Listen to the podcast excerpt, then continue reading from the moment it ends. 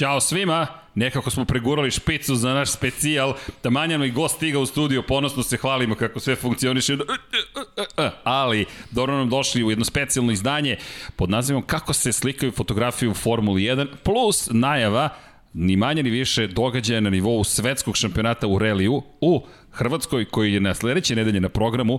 Međutim, po, sa ponosom možemo da kažemo, moj dragi kolega Dejan Potkonjak i ja, Čas, ovoga puta ekipa Formula 1 je malo drugačija, imamo leteću izmenu, gospodin Pavle Živković nam je trenutno na sport klubu, bavi se specijalima i emisijama za potrebe sport kluba, ali zato je to jedan specijalni gost, otud je ovaj specijal, gospodin Andrej Saković, dobro nam došao i to je to. Bolje, Fist bump za početak, da. Obično kažemo da fotografija govori hi, više od hiljadu reči. Mi smo ljudi koji se bave pokretnom fotografijom, jel te? Komentarišemo pre svega Automotosport, Dejan piše, takođe, fotografiše takođe, međutim, Če, redko imamo priliku da pričamo o toj magiji. Ko su ti ljudi, vi, koji stoje iza svega toga i onda kada otvorimo, na primjer, taj Pirelli kalendar, dobro, nisi nužno fotografisao to. ali idemo ka tome. Ali idemo ka tome, kako dođemo do tih fotografija koje su zaista spektakularne i naravno želimo da te upoznamo pre svega s ponosnom možemo da pričamo sa tom i meni je zaista čast što deliš sada studio sa nama, dobro nam došlo u studio na kraju univerzuma i nadam se da ćemo čuti tu jednu lepu priču, vidjeti fotografije, a i hvala ti za poklone, samo da se, ja volim da se hvalimo, Dakle, first edition Bahrein, čekaj, otkud ti je ova? Ajde za početak, odakle ti je ova registracija? Bio na licu mesta. bio na licu mesta. Ti si jedini, ja bih rekao, sa ovih prostora, ispravimo koliko grešim, koji je bio na prvoj trci ovogodišnjeg šampionata sveta u Bahreinu. Nisam naše ljude tamo koji obično prate Formulu 1, njih nisam tamo video. I bio si tu za taj veliki duel između Luisa Hamiltona i Max Verstappena. Da, Kako koji, je bilo? Koji smo gledali uh, na finiš liniji. U stvari ne, nemaš ti pojma šta se dešava, gledamo na, na ovoj aplikaciji, negde malo naslučuješ šta se dešava, nema ni publike, pa ne možeš sad ni od publike da čuješ reakcije. Nema ni huka, i, da. I čekaš, da. da. Negde daleko je bio screen, pošto smo mi baš na finiš liniji i gledali smo, pošto nam je sad prilično redukovan pristup koji smo inače imali zbog jel, korone i svih tih protokola, ovaj, slikali smo kad pobednik, kogod to bude bio, ali smo vrlo menjali boks eh, Red Bulla, eh, boks eh, Mercedesa i tu smo shvatili kad oni pokazuju one njihove table, šta se zapravo dešava i bilo je prilično iznadženje kad vidiš prva je tabla bila Verstappen vodi, onda druga Hamilton vodi šta se desilo. Em što meni, i dok sam bio na stazi, malo isto problematično, još na početku znam da je vodio Verstappen, posle toga Hamilton, otkud to, i onda to shvatiš tek kad dođeš kući ako hoćeš da gledaš ponovo trku, znaš, to je. Ali tu bilo, eto, zanimljivo, u toj u, finale trke je bilo isto super, taj duel nismo videli, kontroverze oko tog duela sam posle i, i čitao i slušao i vas i sve to, sve to stoji. I slikom dolazi Hamilton, prolazi, imamo, ima ta fotka negde ovaj, tu među, posle, da, među poslednjim da, da fotkama, da, taj, kad, emisiju, da. kad mehaničar izlaza na pit wall. Inače, mi smo uh, do prethodnih godina koji sam bio, znači 2019 sam bio u Bahreinu posle, pre, to, ovaj, pre ove, Uh, AFP je taj koji ima tu pull poziciju na pit wallu, obično mi slikamo to kad neko maše on, zastavicom. To je bio, Beckham je bio te godine. E, to, I onda onaj vatromet i tu jako brzo prođe bolide, ali ovo je bilo čak i super što možemo da slikamo tu reakciju mehaničara. Ne, neki, neki ne morate vatromet, da. Ne mora, vatromet je bio iza nas, da. da. Ali to je lepo, koliko često ti se desi da imaš takvu, takvu trku, nadam se da će ove godine biti mnogo tih situacija, em da ćeš biti često tamo, em da će biti mnogo takvih trka gde moraš u poslednjim krugovima da menjaš zapravo Redke su da bile u prošlosti, redke su bile u prošlosti, bile, bio je Abu Dhabi, Kad je Rosberg uzeo titulu? 2016. Tako. E, to je bila uzbudljiva trka od početka do kraja i ko će uzeti tu, tu titulu i njegova reakcija ima i te slike, to je onako baš, baš bilo ove, super. Ta, ta, ta titula je poslednja neka radovanja, onako iskreno koje sam i doživao slikova Formuli 1. Kod Lewis Hamiltona to prilično onako protokolno prođe. Mislim, kao da se nauči, navikao se na te ove, titule i to tako nekako ide, malo je dosadno, iskreno. kad to kaže čovek koji je stalno tamo, ali okej, okay, ove trk... Druga je moja perspektiva skroz kad si tamo i, i dobro, ali to ćemo pričom Priča, doći. Pa to da, jeste, da. Zato nam i drago što si nam tu. Da. Ja, bio pitanje što Paja eskivirao. Nije eskivirao, Paja nam nije dostupan, ali zato je tu i cela ekipa. Normalno imate pozdrav tu gospodina Živkovića.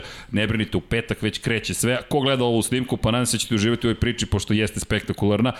Dakle, pa jeste, ti si ni manje ni više 10, 15, 20, 30, 50 cm od tih ljudi. Da. Ti si neko ko je na licu mesta, ko provodi dane tamo i to je ono što je nama toliko zanimljivo. Šta se dešava iza kulisa? Kako izgleda tvoj radni dan? Kako si uopšte došao u taj svet?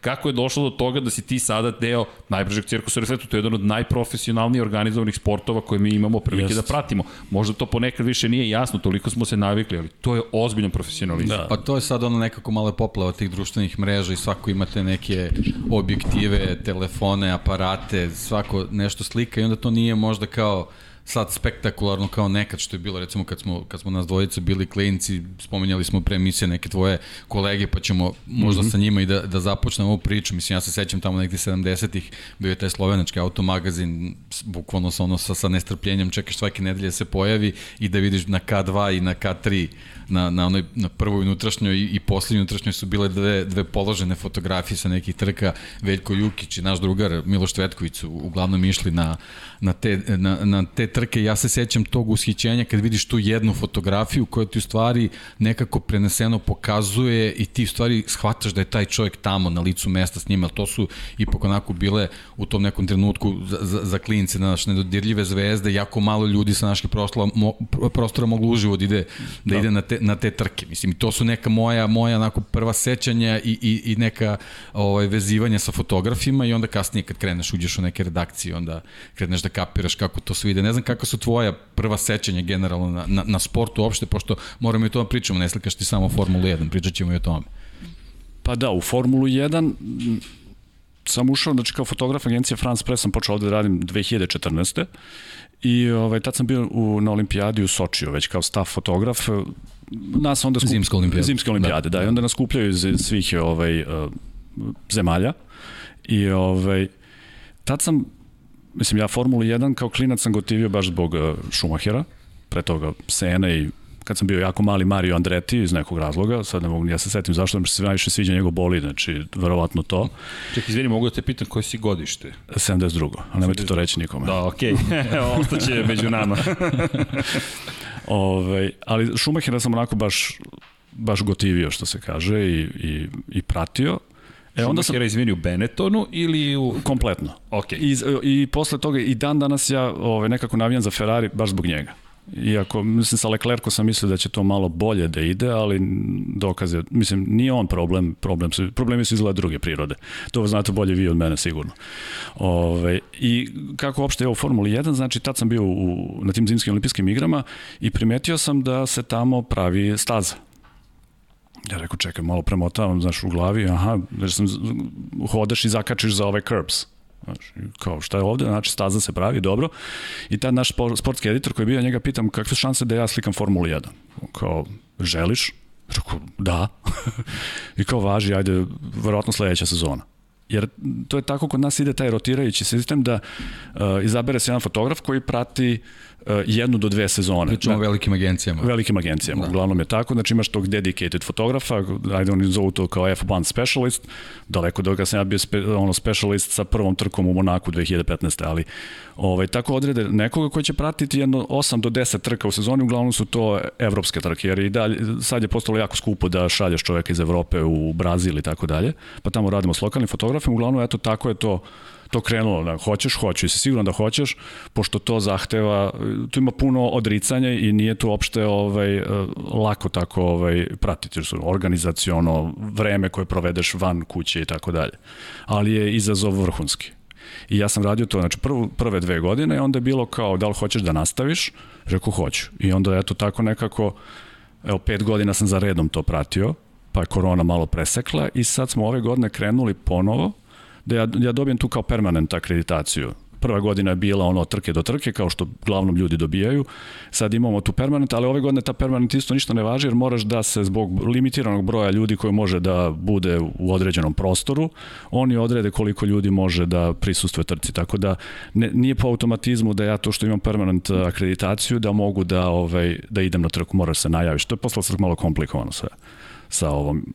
Trebalo je da, sad trebalo ovaj vikend da idemo u Imolu, ali su smanjili broj, tako da je, ide samo lokalni kolega. Obično prati, neka smo pratili trke sa 3-4 fotografa plus editor.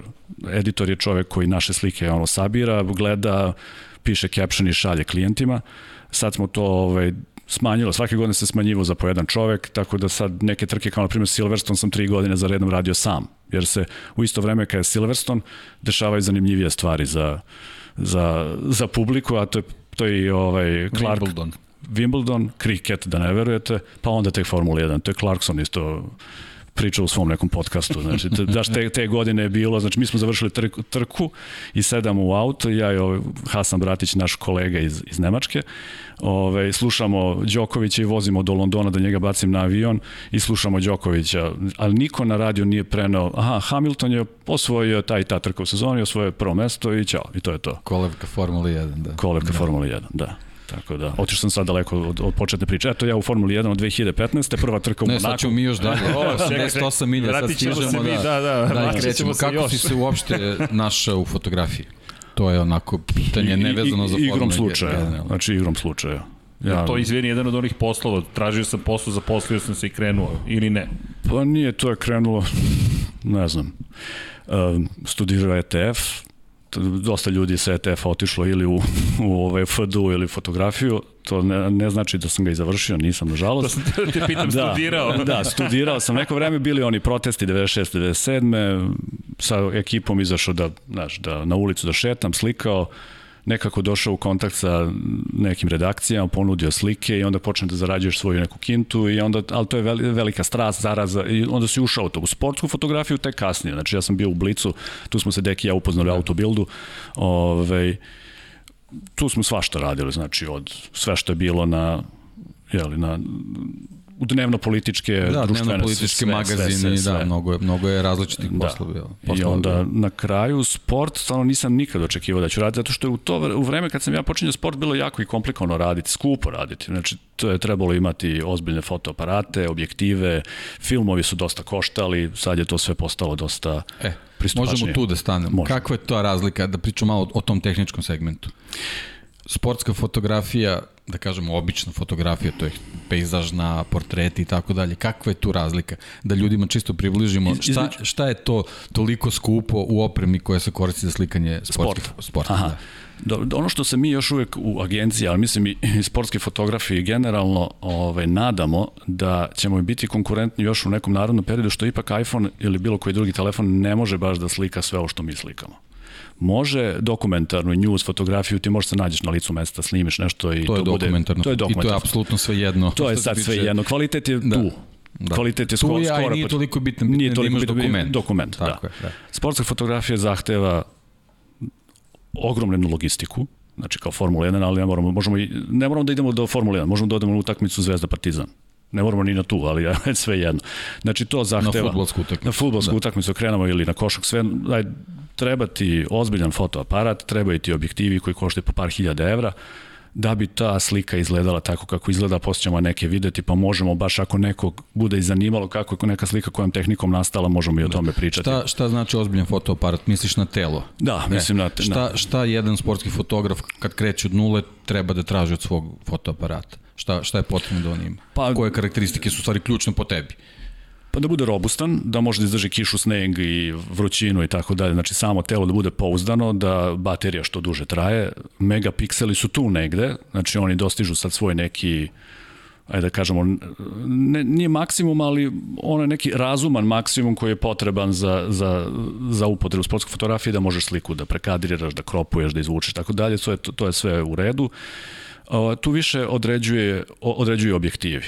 Znači, kvalitet fotografije određuju objektivi i to se stvarno vidi kad se, sta, kad se koristi, ne znam, neki zoom, neki koji košta, ne znam, 150-300 evra ili kad staviš 400 mm koji košta 4-5 hiljada evra. To se, baš se razlikuje. E, to se ne vidi, na primjer, vidi se na, na, na portalima i šta ja znam, ali se vidi, na primjer, kad e, u specializovanim magazima, to kod nas, nažalost, i nema, ali...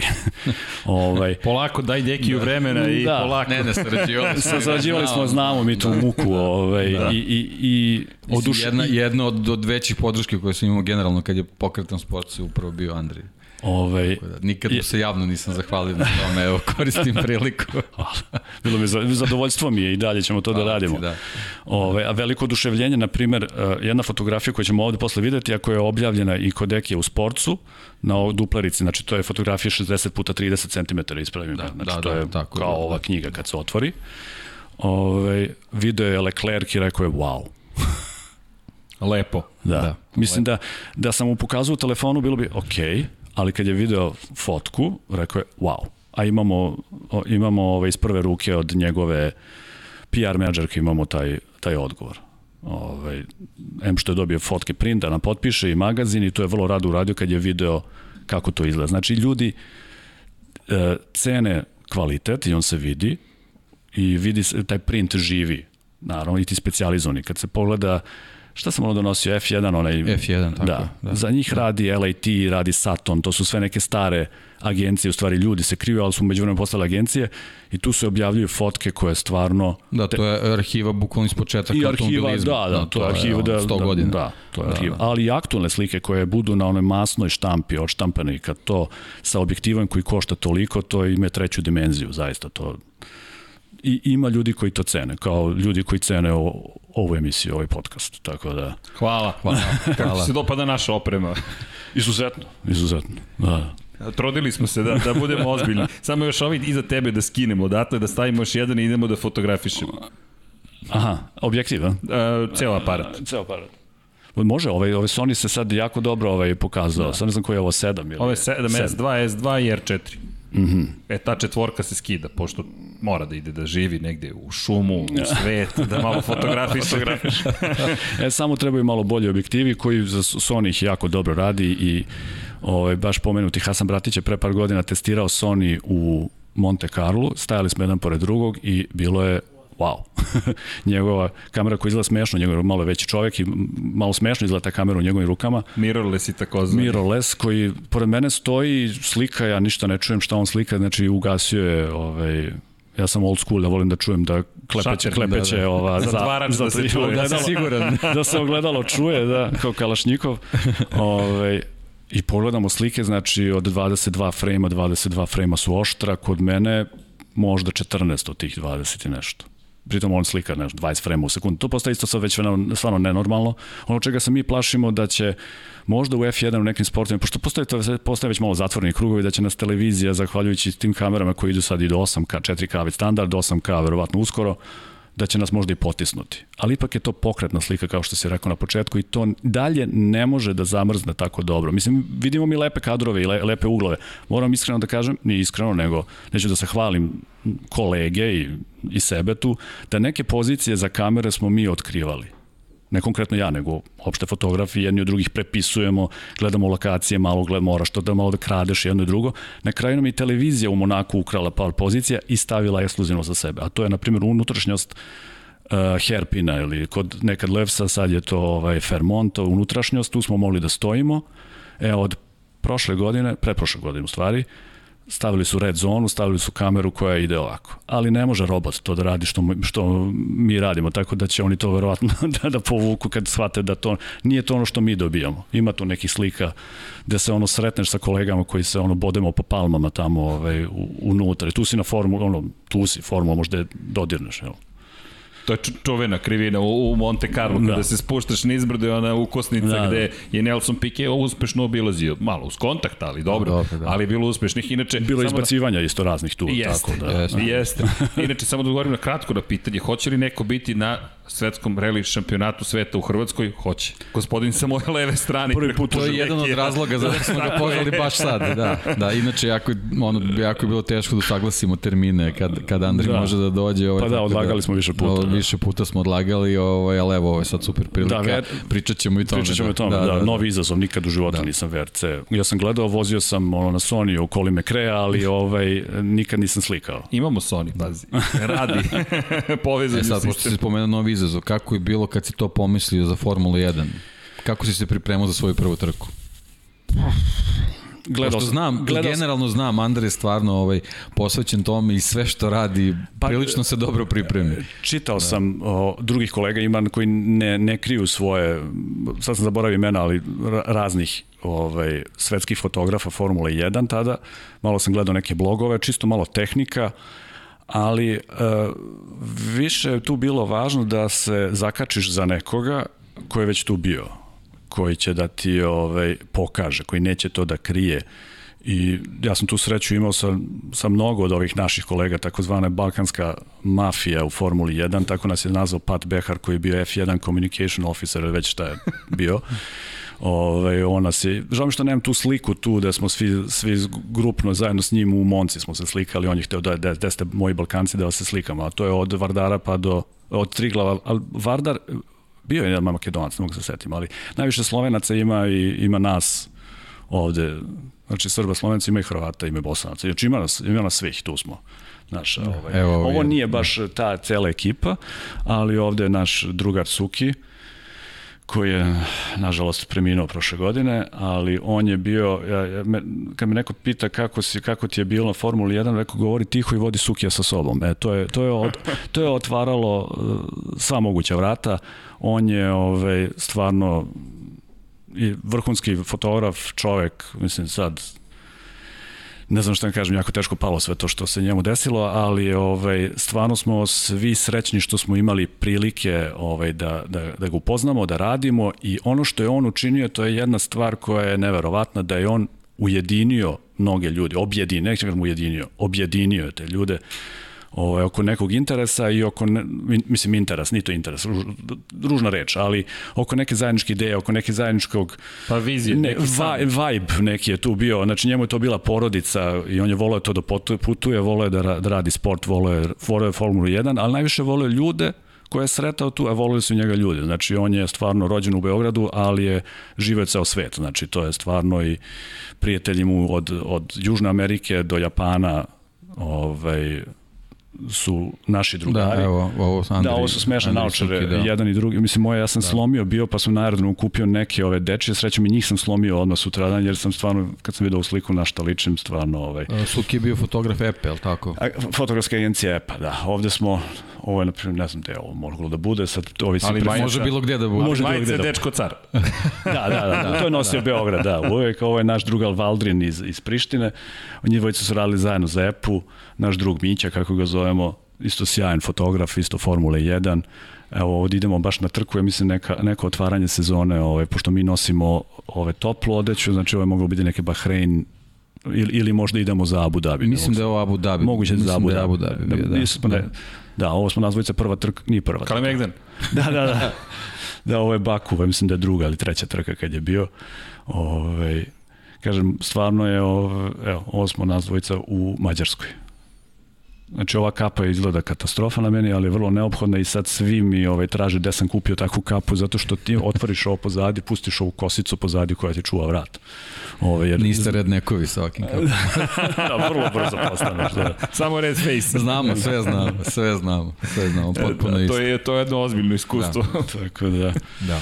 Ne znam Pričao da... sam sa Sukim, jednom sam eto, ovaj, pokušao s njim da napravim neki intervju, ti znaš kakav je on bio, nije baš volio da se, da se eksponira na taj način, ali smo ovaj, pričali smo dosta dugo u Smaragdu i sedeli i onda mi je pričao način kako on pristupao trkama Formula 1, gde trke jednostavno nije želeo da beleži samo kao kroz dokument, ono što smo mm -hmm. spomenjali, nego je u Formuli 1 uočio boje i igre tih boja. I Jeste. onda je generalno tim nekim svojim umetničkim pristupom krenuo da fotografiše Formulu 1 i verovatno je zato, osim tog svog nastupa u, u Padugu i zbog toga je postao tamo, tamo ovaj, poznati popularan. A kako ti ovaj, uh, uh, formiraš dijapazon fotografije vezano za određenu trku, da li, da li imaš nešto što moraš da ispuniš ili, ili jednostavno imaš slobodu da možeš da radiš jedno, šta poželiš? Jedno i drugo. Znači mi smo ovaj, tad smo jedna mala fabrika za taj vikend koji eto, moramo da ispunimo zahteve svih klijenata. Ovaj, sad onako uprošćeno rečeno, znači ako radim sam, a dešavalo se da radim sam, onda izabereš neku lokaciju gde ćeš da islikaš automobile, kao što kažu ovi koji se razumeju u print za frajštend, znači automobil da bude oštar od početka do kraja, da se lepo vidi, da to sam od Deki naučio autobildu kako auto najbolje izgleda, iz kog, iz kog ugla i tako dalje. I to se uradi 20 automobila i to pošalješ, uglavnom sad šaljamo direktno iz kamere, ne, zato što su sad ubrzali celu stvar i smanjujemo zbog covid ne sedimo u pres centrima i tako dalje, nego ono kao šaljamo direktne iz kamere i to neko drugi edituje, ali to je to, znači zadovoljimo to. Uh, pokušavaš da napraviš razglednicu, koliko je to po znacima navoda, ako je moguće da se vidi gde je ta trka bila. Jel, sad ako slikaš automobil na asfaltu, mogu da slikaš na Kalemegdanu, mislim, da, bilo gde. Treba da se vidi, ali nisu sve, nisu sve staze fotogenične. Znači ima na koje su više fotogenične, da možeš svakog ugla, znači Monako, znaš da je Monako gde god da ga slikaš. Ove, ovaj, ali ima dosadni staza kao što Silverstone to ako slikaš aerodrom. Da, mislim, da, bar, bar da možda vidiš aerodrom, ne možeš ni to, ne možeš ništa, znači to je stvarno ravno, ravno da, dosadno. nekad su bili parkirani avioni ranije. Da, to je, bili su Spitfire i tamo, Hurricane i da, ostalo je stajalo pored. Ništa, sad, sad nema ništa, ništa, da, sad do, da. dovuku njihove re, ovaj, vojska dovuče neke tenkove, ali to je za, za igranje, to ne možeš uopšte da, da povežeš. Ja sam imao sreću pre par godina da sam jurio neku sliku da pokažeš da si ovaj, u Velikoj Britaniji, pa je naišao double decker ono, pozadi, pa ajde kao to. I to je bilo objavljeno. Nema me ovde među ovim slikama, ali da bi neko prepoznao da je to Silverstone. Znači to treba da znači tu imaš da pokažeš to, to isto vole klijenti da vide. Ovaj, I onda može da se igraš igra, što kažem. To je, Suk je to majstorski radio i mnogi od nas iskreno smo i kopirali to što on radi sa svojim nekim modifikacijama, ali tu ima jedan, nije to samo igra boja, nego to imaš potrebu zato što sa ovim svim zaštitnim ogradama, žicama, reklamama, što ja znam, slike postanu mnogo, eto je, na primjer, jedna od tih fora, ove sve reklame postanu mnogo dominantne. Neće, neće neki magazini neće ni da objave zato što je mnogo uočljiv tak hoer ili već šta je. Znači, onda se malo igraš, ali plus što dodaje taj Dobro, ovde Shell će sigurno I neki biti. efekt brzine. Efekt, da, efekt da. brzine, da. Ako zamrzneš da. formulu, to ništa, to je bez veze. Znači, ovo je baš slikano u Monaku, mislim da je to prva sezona kad sam, kad sam bio. To su sad, to se dosta isprobava. To je, zahva, to, je, to je super što imaš mogućnost da slikaš digitalno, to što smo pričali malo pre, što možeš da gledaš, da brišeš, da se Zvini, koriguješ. Ovo je prelepo. E, on ne mogu se setim da li je Belgija ili nešto, da. Ovo, McLaren Honda, to očigledno. Da, da, da, mislim da je to, ne mogu sad da provam da li je Baton bio ili je, ovaj, mislim da je on Ako je Baton Tom Pablo odmah... Nisam sigurno, ne, evo, ovo, je, ovo je sigurno Jenson Baton, ovo je u Bahreinu, slikana prva trka u Bahreinu, posle toga sam bio još pet puta, nikad nisam uspeo više, nikad se nebo nije ovako složilo, jer se pomerila, pomerila se i trka u sezoni, pa i sunce drugačije na drugom mestu, a i ove godine je bilo dosta ono pustinsko, ovaj, pustinsko vetra i onda nebo nije više tako čisto. Ono što, evo, to je ta, taj rakurs koji su nam ukrali kamere, Ove, ovaj, to je lepo, tu, tu smo među nekim palmama i slikamo, panujemo ovo da, da se mada Ružanje je hotel realno, ali se prepoznaje da je Monako. I to je jedna lepa pozicija tu.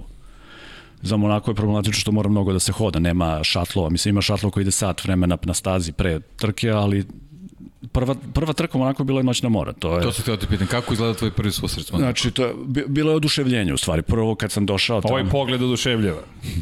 da, da. I to nam je sad zabranjeno. Ove, ne možeš više tu da budeš zato što vidjet će neko slici. Slikali smo Uh, ovo je dole, kriv, ovu terasu dole. Da, kriv, da. slikali, smo, slikali smo terasu dole. Ali postoji ta jedna legendarna slika iz 90-ih godina, slikano na te, isto sa terase, gde su bile u toplesu, sa toples je zabranjen u Formuli 1 generalno. Ove, ali posle sam saznali da je ta slika nameštena bila, da su tu bile manekin koje su bile plaćene da budu tu da bi nastala ta slika. A ovo što smo mi slikali je... Ono, autentično. Autentično, da. da. Ovo je jedini crash koji sam slikao nekada. da, da, mislim, teško njega ne slika da se nešto slupa, ali eto, da. to je bilo baš negde na pola trke ili nešto, to je, ono, ja sam bio na pit lane entrance tu sam nešto panovao sliko kad, kad ne ulaze u pit lane, sam sam čuo da nešto puklo, I onda sam samo nastavio, podigao aparat i slikao onako da šta god, pa onda gledao šta ti upalo. To je sreća što bilo još tri trojice kolega pored mene koji su panovali, a ti kad panuješ sliku, to je ono kad razmazuješ, ti smanjiš ekspoziciju i oni na primjer nisu imali ništa. Jer su i ovo imali sve razmazano. Ja sam imao sreću na jednom aparatu je ostalo nešto da imaš taj safe mod, hiljaditinka. Neka hiljadarka bila. Da, hiljaditinka da imaš ono kao, i eto, to je ovaj... E, izvini sad, samo uskačem malo, ali da, da prosto spo, da, da spojimo celu mm -hmm. priču. Uh, jedan od fotoaparata i jedno od pitanja jeste koje sve opremu koristiš i ni, uh, želimo da čujemo zaista... Možda ima na nekoj slici, ono, u onom off folderu, što sam vanji rekao, ovaj, možda ima negde. Ovaj, ali to, to su minimum dva tela, moramo da imamo dva tela, to su dva aparata, sa sad seto objektiva, sad stvarno, zahvaljujući što radim za agenciju, znači da nije moje, da odmah kažem, znači to je oprema koja je, ja, kao sred, sred, dužim, to je sredstvo za rad koje mi omogućuje moj poslodavac, to je agencija France Press, i tu zaista sad stvarno ne fali mi ništa, znači od, ako gledamo Zoom i 14, 24, 24, 70, 70, 200, 180, uh, pišite 400, brzo, pišite. 400, to su što se tiče Zoomova, onda je tu bilo ima raznih ovo prime lensova i šta ja znam i onda tu sad zavisno da se nalaziš ti, uvek je neki teleobjektiv, znači to obavezno. Sad je jako dobro se pokazuje ovaj što imam neki zoom 180-400, on ima sebi konverter, jako je dobro, malo kvalitet nije kao sa fiksnim objektivom, ali je to Možeš što nam treba. da pričaš i o proizvođačima koje koristiš, ili ima tu nekih preferenciji ili nema, pa nema prosto to... možda može biti zanimljivo i pa, znam da tu se vode uslučeno ratovi, ali manje više do fotografa, ja bih rekao. Ovde do agencije, znači mi imamo deal na, sa, sa, sa svim imamo u suštini, ali dominantno sa Nikonom. AFP je kupio Nikon pre par godina ono opremu, ali ima fotografa kolega koji, da, ovo su stikeri koje dobijamo, to je Pričat, pričat ćemo o tome. Da, ovo je... Da, still photo only. Ne smeš da video, da uključiš samo da, fotografije. Da, Ovo je, mislim da ovde se ne vidi, ali to ono što treba da uđeš ovako u avion da se praviš da ovo je, da nema više, da, ovo ima 7 kg, da. A, a, a, ovo realno... I ni, po, ni pošto dole u A u jakni da, su čarape. Da, da, da, da, ali realno ima preko 20 kg ovo, da. Ovo su draži Silverstona. Da, to, su, to vidim da ti je omiljeni Silverstone. Da.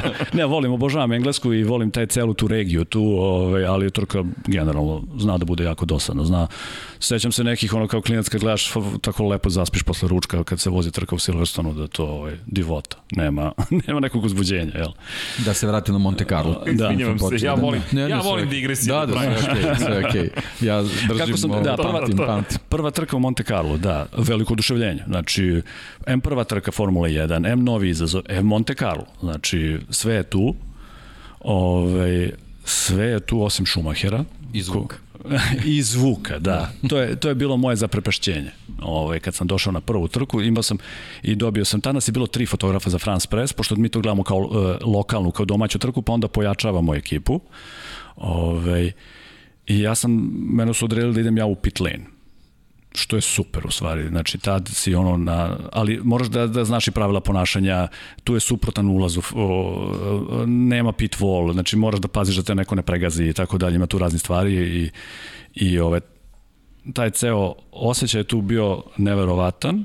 Tu si gledaš, aha, ja sam u Monaku, kao slikam Formuli 1, da li je moguće, štipni se malo, onda vidim Sukiju koji ode šta je švabice. On me zvao švabice, ima i anegdota i za to.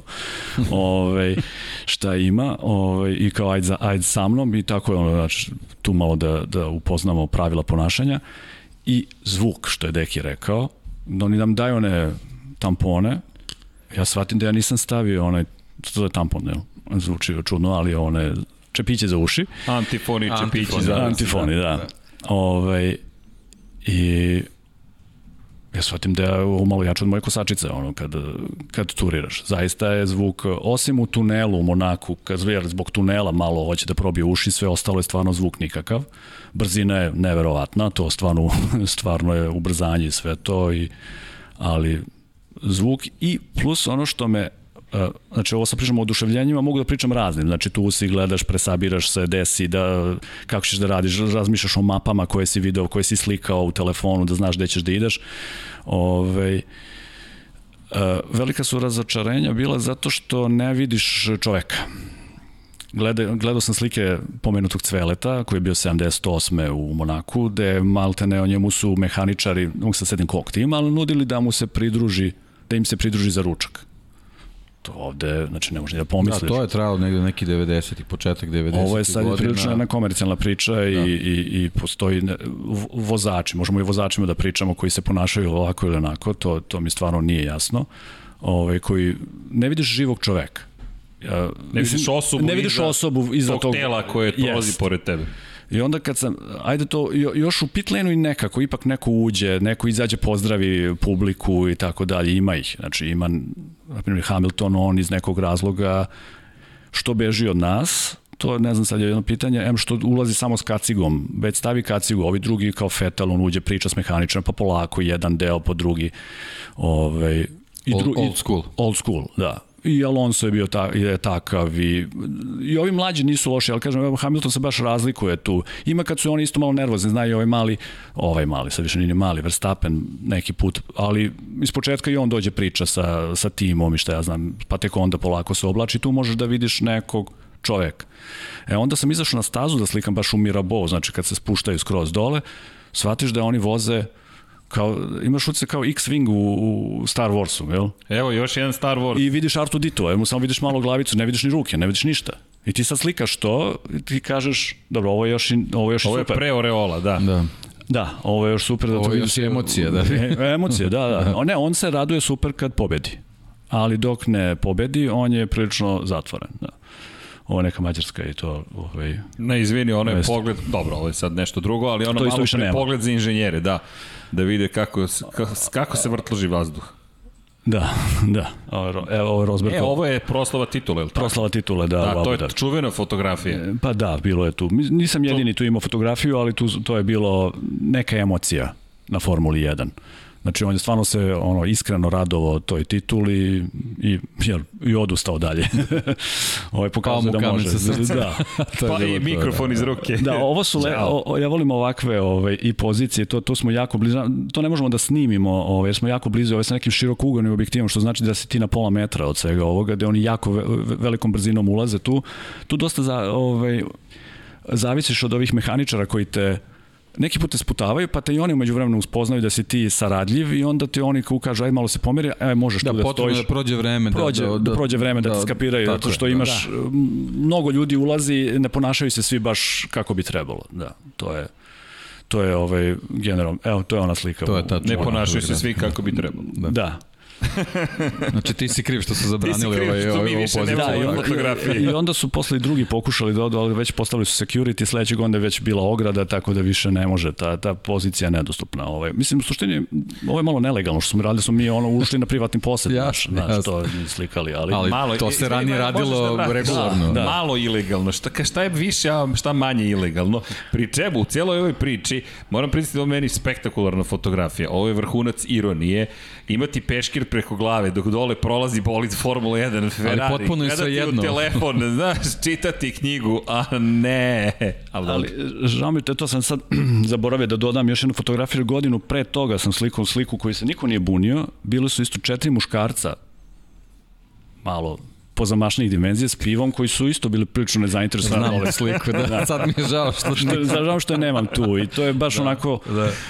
bilo je viralno, neko je to stavio, kad se pojavila slika i slika od prethodne godine, bilo je nešto na Twitteru. Tu nije bio problem. tu nije bio problem. U stvari možda su zbog toga i zabranili. Možda svi, da. Može da, to, i da. GP Balkanci koji poručuju za Pirelli kalendar. da, da, da. Ja lupam u mikrofon. To je bio kasno. Nema veze, nema vidi, ovde smo svi, veze. kao što vidiš, opušteni. Da. Ne, ovo je ovde da se uživi da se, i da se zabavlja. Da, a za... Da, nešto sam htio, sam je otišla misao. Eto, vidiš Umemo kako, vidiš kako jedan kadar Umemo promeni sve. Umemo mi to, kadar promeni sve. Ne, ne za to, ali doći ću do toga. Vratit ćemo da. se. Ver, ne, počeli smo sa onom fotkom ulaska u boks, možda si to nešto. Ne, ne, ne, baš to, da. nešto da. razradu na ovu temu, na, na ove slike, ali sad je otišlo. Da je malo ilegalno, ušli ne, ne, ne, ne, opet da, vraćamo se. Prva trka, uh, Monako, uh,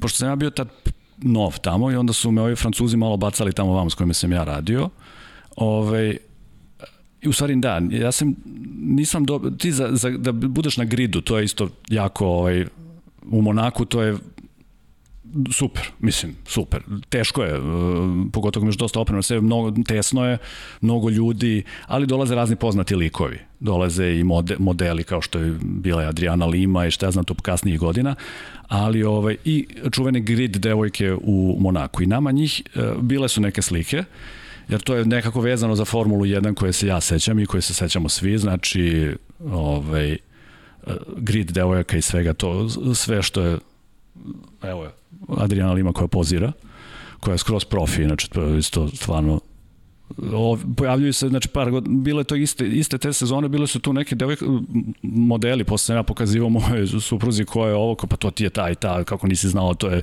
youtuber, bloger, ovo, ono, to je no, nemam pojma, ja poznajem samo nju. Ti sada YouTube. I ona mi, i ona mi pozirala. Znači, ona stvarno stala je pozirala. Ove druge stoje i gledaju te onako nešto čudno. Ok, neću ni ja tebe onda da, da znaš, nije mi zanimljivo za slikanje bilo. Vraćam se na grid. Znači, na gridu svega, svašta se dešava i te slike su uvijek zanimljive i prvu sezonu ja ne dobijem uopšte, uh, dobiješ kao kad nisi permanent možeš da dobiješ neki ono stiker da možeš da izađeš na grid. I ja, ja ne dobijem uh, ovaj, da izađem na grid i pregorim skroz tu, a ne mogu da izađem na grid. Znači nije kompletan doživljaj. I idem da slikam uh, prva krivina iz San Devot, znači prva krivina ne bude, zna da bude svega i da. svačega, ali idem slikam startu, dakle start uglavnom dosadno za slikanje, osim u Spa ili neka put u, u Monaku. I ja sam tamo i stojim i ovaj, čuvam mesto za Sukija. Suki koji je išao bio na gridu i sve, utihnulo je malo ipak, znači pred trku koliko god je buka utihni, samo čuješ Sukija koji ide i psuje. Vrlo sočno, to ne sme da se ponovi. Ide, znači što kažu licna mu ono, pukla, dolazi kod mene sav šta je bilo i ide, psuje i priča ovo je kraj, na svim jezicima, kraj Formule 1, ovo ono šta je bilo, umesto grid devojaka oni su izveli grid dečaki, Grid Boys. I on je to, ovo je kraj. To ga da, pogodilo. To ga da. pogodilo najstrašnije moguće. I, znači, i dolazi i gledaju ga ovi englezi, tu sam malo prespomenuo ono, pre emisije, zvali su ga Boris the Bullet Dodger, znači kao iz uh, Snatcha kao Rade Šerbeđe. Znači, bilo je tu ljudi koji su mislili da je on Rade Šerbeđe ili je Rade Šerbeđe Suki, tako da ovaj, I to je, eto, toga se sećam onako baš živopisno. Ovaj. Znači, kriv si što nema više grid devojke, koliko se me razumio. Da. Ti si taj. da, da, da, da, da. Tvoj tajming je... I posle sledeće da. sezone su ukinuli skroz da. ja mislim, grid uh, devojke, jer je to ušla je ova, Liberty Media i tako dalje. Sad, zašto je to tako, ne znam. Pa Liberty Media. Da, da. Zato je to. Oslobodila je. da. Svet. Da, da li je, mislim, dobro, e, to smo pričali sad, Vanja možda može da pronađe tu fotografiju, spomenjao si plan. A, to imaš pozicije, da, da, da, pozicije, ovaj, logistika, kako, kako da, se, ovo da, je, da. Kako se kad, kad, super, kad, da, kad to pišem, ovaj pišemo onako, da, da, kad to ovaj rešavate? To rešavamo uh, znači kako četvrtak je bio nekada pres konferencije, to odradimo, ti dobiješ ove planove i tad u suštini već se dogovaramo uh, sve zavisnosti koliko fotografa ima, ovde znači imam ja, Boris i još, znači trojica smo radili ovo, ovaj, markiramo neke pozicije da ćemo da budemo. Znači, ali napravimo i nek, nekakav sistem da mi kad krene trka nekako rotiramo, da se ne krenemo u pravcu trke ili kontra, sve jedno kako se dogovorimo, da se ne, ne desi da smo iz iste firme, na iste agencije, na istom mestu dva fotografa, jako da, jasno, a da opet svi imaju smisla, da. prilike da slikaju nešto, znači ono što žele. Ovo je isto to u Sočiju sad ovde svašta nešto piše. Tamo je bilo jasnije. Tamo je bilo jasnije, da, ovo je, pošto smo dva fotografa bili, ovaj, Ali sve ja imam ovde pitanje. Andrej je na pozicijama kod tunela, Andrej je na da. startno ciljnom poredku, Andrej je takođe u i u ukusnici. ukusnici. Kako Andrej ovo postiže? Ovo, ovo je prvo je grid bio, Znači, pošto sam ja imao permanent po ovaj marker, ja sam bio na gridu, znači to je početak trke. Onda sam se s početka trke katapultirao mislim na Levs. Pa to me zanima kako stižeš kako do tamo. Kako si se katapultirao? jako teško. Ovaj. Ili, ili je to bilo, možda sam prvo do tunela išao. To je jako komplikovano tamo skroz ovaj, Specifične trke, da. Da, i blokirani su dosta prolaze, moraš da znaš one prolaze ovamo, ideš uz, ovde ideš do ovog krivine 10-11, ideš uz obalu, pa onda možeš ispod kazina da se gore popneš i dođeš do hotela. E, mislim da je bio taj redosled, sad ne mogu se setiti. Uglavnom bio sam na sve tri pozicije tokom trke. Trka traje opet dovoljno dugo da se ovaj bude. Ne, u suštini najlepše bi bilo biti ako nisi na startu da budeš u, u lev skrivini u, u ovom herpinu zbog eventualnog uh, sudare dok su još napakovani ono kad krene kad krene trka. Isto tako je zanimljivo biti na ovom izlasku iz tunela dok su još jedni do drugih. Ove, ali eto, uz, A kad odmakne trka, je li tu posle nešto, po, poštuje tove pozicije ili... pa trudimo se- osjećaj neki. Osjećaj, da, ili, ili se nekako pratimo ili nam naši editori nekako jave desilo se to. Dobri, onako i vidiš, imaš ekrana dosta i vidiš gde se šta dešava i onda ono je možeš... baš iskusno. Izvini, Vanja, možeš da vratiš samo Monako. O, ovo je fenomenalno. O, 15, 16, 17 pozicije gde piše Boris, pretpostavljam. Da. To je i čuveni incident imao Max Verstappen. To je onaj moment kada je karijera preokrenuta, kada je postao, počeo mnogo bolje da vozi, kada je zapravo Daniel Ricardo zabeležio pobedu za Red Bull. Dakle, to je izlazak kod bazena. Kod bazena, da. Da, onda startni poredak, ok, pa krivina broj 1, opet tu je i zona izletanja, ko Da. napravi grešku, uvek neka dobra fotka padne. Da, ali tu, tu, je, tu se redko, de, mislim, ostane neko tu, ali to obično nismo mi koji moramo da zadovoljimo ono što smo pričali da imamo sve sa trke, jer to iz, e, iz, iz, izvini, Verstappen je izletao. tako? Izvini. Ne, ne, šta se rekao? Ne, ne, uh, Verstappen je izleteo dole. Ku Da, ali, 14. je, ali jedne godine neko izletao isto pravo. Ne, nije, Jeste Verstappen u incidentu sa Romanom Grožanom, je otišao pravo, ali to je bilo nešto pred kraj trke ili polovinom trke. Polovinom to, to trke, nije bilo jeste. nikoga. Jer su svi otišli, ti budeš tu na startu par krugova dok su oni ovaj, jedni do drugih, posle toga ti odeš. Znači, desilo se da neko ostao tu, ne mogu se setiti. Ovo što si pitao za Boris, on je, pošto mi kao AFP smo tad imali, e, to se zove pool, imaš određene pool pozicije koje mi delimo ostale, ne možeš da imaš sve fotografe iz, svakih, iz svih e, agencija, četiri su agencije koje se vode kao te ove velike agencije, to su Reuters, AP, AFP i EPA i Getty, ali Getty ima drugi neki deal. Ove, I ne možemo svi da budemo u, na pit wallu. I onda se delegira to, napravi se sistem rotacije pred sezonu, koja trka je ko radi pool. Mi uvek smo imali u Monaku. I onda je Boris bio u stvari na pit wallu, što je u Monaku jako dobro, ti si možda gledaš i šta se dešava u pit lane-u kad ulaze da menjaju gume, ko što je bilo onaj incident sa Ricciardom koji je onda izgubio. Da, da, da. Znači, Izgubio ta, trku zbog toga. ta da. slika je bila važna, ali ta slika kao slika je glupa, mislim, ti ne možeš da pokažeš da auto, mislim, auto stoji pa stoji na slici, ali ovaj, u nekom trenutku vidiš mehaničara, moment, nešto, da. moment, znači, Ali bila je bitna bila je medijima za priča. ilustraciju. Da, bilo je važno za priču, on je izgubio da. tu titulu. Ali do, lepa je pozicija biti na pit wallu u Monaku zato što vidiš i ovo dole ovaj, vidiš šikanu na izlasku iz, iz bazena. I ovaj, to je isto lepa pozicija za slikanje od ozgo i eto dešavaju se incidenti. A četvorka, ako pogledamo mapu, od- a ovo je Silverstone, ovo je neka provokacija. Da, ovo je provokacija. ne, ne, ovo provokacija je sama mapa. Da, da, da. da Zato pa što to, to. je Ed, Adrian, to je naš stari kolega, jedan čuveni ovaj, izuzetan sportski fotograf ovaj, koji radi za, za France Press. Pa smo ga zezali, on kao, deću ja, pa ti ćeš ovo sve gore, tako znači, ja, Ben i ja ćemo ovo i... Ali dobro, ovde ima autobusa malih, ovih crvenih, oni mogu da te voze, o- da te voze oko zapravo staze. Pa to pokazuje da je kuda idu šatl. Da, Da, kao, šatlovi, Da, da. Ali uh, problem je u Silverstonu, dok je bilo ljudi na trci, uh, šatl jednim delom ne može, kad, kad je trka ne može da radi jer, jer se mešaju ta staza koja je za, za šatle u stvari i staza za publiku i onda A šatl to ne je radi. generalno problem u Silverstonu i ono, Bernie Eccleston je zbog toga pretio da će da ukine Da, da. trku u Silverstonu baš zbog tih prilaznih puteva. Nema Ali to se, nema, da. da. to se jednostavno... Ne, ne možeš, to je mesto Pa oni su tradicionalisti, istoriji, to, je, to je tako. To je kao, kao, kao Goodwood. U Goodwoodu jednim helikopterom dolaziš. A dobro, da, Znači prilazni putevi zaboraviti. To, to ne postoji. Znaš šta, mi smo ovaj, imali sreće da je naš ovaj, lokalni editor izabrao neko selo koje se zove Salgrave, koje je skroz na drugu stranu, 10 km ili milja od Silverstone i niko ne ide na tu stranu.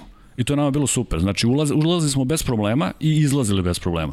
Svi su oni, problematični su oni izlazi koji idu tamo u, u Toaster ili u New, ovaj, New Hampton ili već šta je, ili prema Milton Keynsu. E, tu je problematično. Ali Englezi to odrade isto dobro, oni naprave sve ulice jednosmerne prepodne u jednom smeru, onda okrenu drugo i to je, ali opet bude gužva. Znači, to kad završi trka do Londona stići, to je... Pff, I blato kada padne kiša, to bude Da, da, da, da, Da, što da ludnica. objasnimo vezano za te šatlove, pošto vidim da, da, da prolaze neki komentari kroz chat, to su oni crni Mercedes i Vito. uglavnom, Izuzetni, da, tako je, da, voleo bi da posebe, To je, da. to je ono organizacija Formule 1 i generalno to Jeste. već nekoliko To decenija funkcioniše nazad na- postoji. na evropskim trkama su ti Mercedesi bili, da, i oni su to, je- jako To su- stvarno olakšava Da, da, da. posao fotografima pre Da, da. svega, zaista. I zaista oni imaju svoj neki sistem, služe. sistem da, da. kako oni voze, imaju neku satnicu i oni voze, imaju unutrašnja i spoljašnja staza i onda se oni nekako podela. Ti možeš, kad ukrcaš, ukrcaš se, kažeš vozi me tu i tu i on te vozi. Ali šatla nema u Monaku. Nema. Ima šatl uh, sat i po pre trke. Da te on, jer oni mogu samo stazom da te ove odvezu. I pitanje je koliko koraka napraviš na dan trke po konkretnu Monaku. Puno, ovaj, uh, Sa sve opremom. sa sve opremom, da. Pa po 10-12 km. To je u Monaku nekoliko, ono, desetak spratova gore dole, da. I lepi uspon. Lepi Le, izuzetno. da. I, ima, e, koristimo, ima, e, za nas je lak, ima lift u tunelu to kad dok ne, to treba isto da provališ. Da, to je javni lift koji javni lift se koristi samo, samo, trke, da, samo za vas. Ima, da. moraš da uđeš u tunel, pa onda siđeš dolu u neku rupu i onda tu se lifta izveze gore do... Siđeš dolu u baštu. izveze te da, gore da, u, da. u kazino. A izvini, pitanje na četvrtoj krivini, to je pogled na kazino, je li tako? Da, to je lepa, to je nekad bila lepa slika, a sad su stavili jedan ogroman TV screen i to izgleda užasno, ti ne vidiš više... Ah, billboardi. da.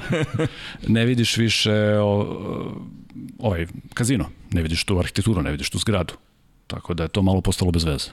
A peta je inače mesto gde uvek ima neki incident. Uvek se nešto desi na, peto, na, na petoj krivini. Ali to je ta lepota Monaka. Ja. Sad iz ove tvoje perspektive spremaš se zapravo za šta bi sve moglo da se desi. Ali, ali sjajno. To ne može da, da, to je isto bila, na primjer, neka moja frustracija prve godine. Uh, zato što ne možeš da se multipliciraš, znači ne možeš ono, mislim, kako ovo sad zvuči, uh, vrlo je verovatno da nećeš slikati neki incident veća vrtnoća, znači mala je šansa da ćeš da slikaš da neki baš tu, da si da. baš tu. Da. Ima naš pomenuti drugar Hasan Bratić, njega zovu doktor, uh, Mr. Crash ili Dr. Crash, on je eto imao on tač on uh, on je freelancer i on zna šta traži, šta će da se proda. On ima on jedini je imao slike u Baku kad su se Verstappen i Ricciardo jedan u drugog ono zabili. Kad su se zakačili. Zakačili, da. Jedini je bio tu, kao da je predosjećao da će nešto tu da se desi. On je kockao sve ostalo, ali njemu freelancere, on ne, ne trebaju sve ostale slike, on jasne, gađa nešto. Jasne, kao što, njemu dovoljno dva, tri dobra Kao što je u Monaku 2019. imao u posljednjem dva, tri kruga kad su se isto Verstappen i Hamilton pokačili u onoj izlasku iz tunela.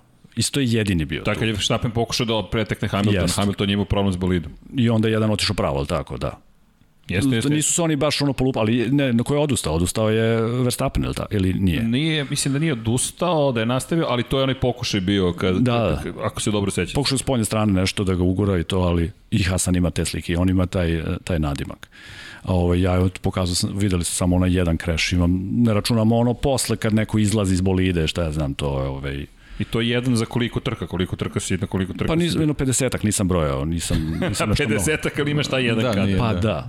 koliko je zapravo to teško? Pos... Od, a... Pa mislim da, a i postalo je to jako bezbedno sad. Nisu to tako spektakularni kreševi. Mislim, e, žao mi, nisam spa radio, po ono kad je bilo onaj veliki karambol pre dve godine, na primer, na startu. Tu se dešavalo, u spa se de, relativno često dešava na startu. Kad je Alonso leteo preko nekoga beše, ili tako? A to je 2000, da, to je 2012. Da, to je već, da, da. Ne, ne, a bila je posle toga još jedna. Nije možda Alonso. A ne, Alonso je Alonso i Kimi u Austriji.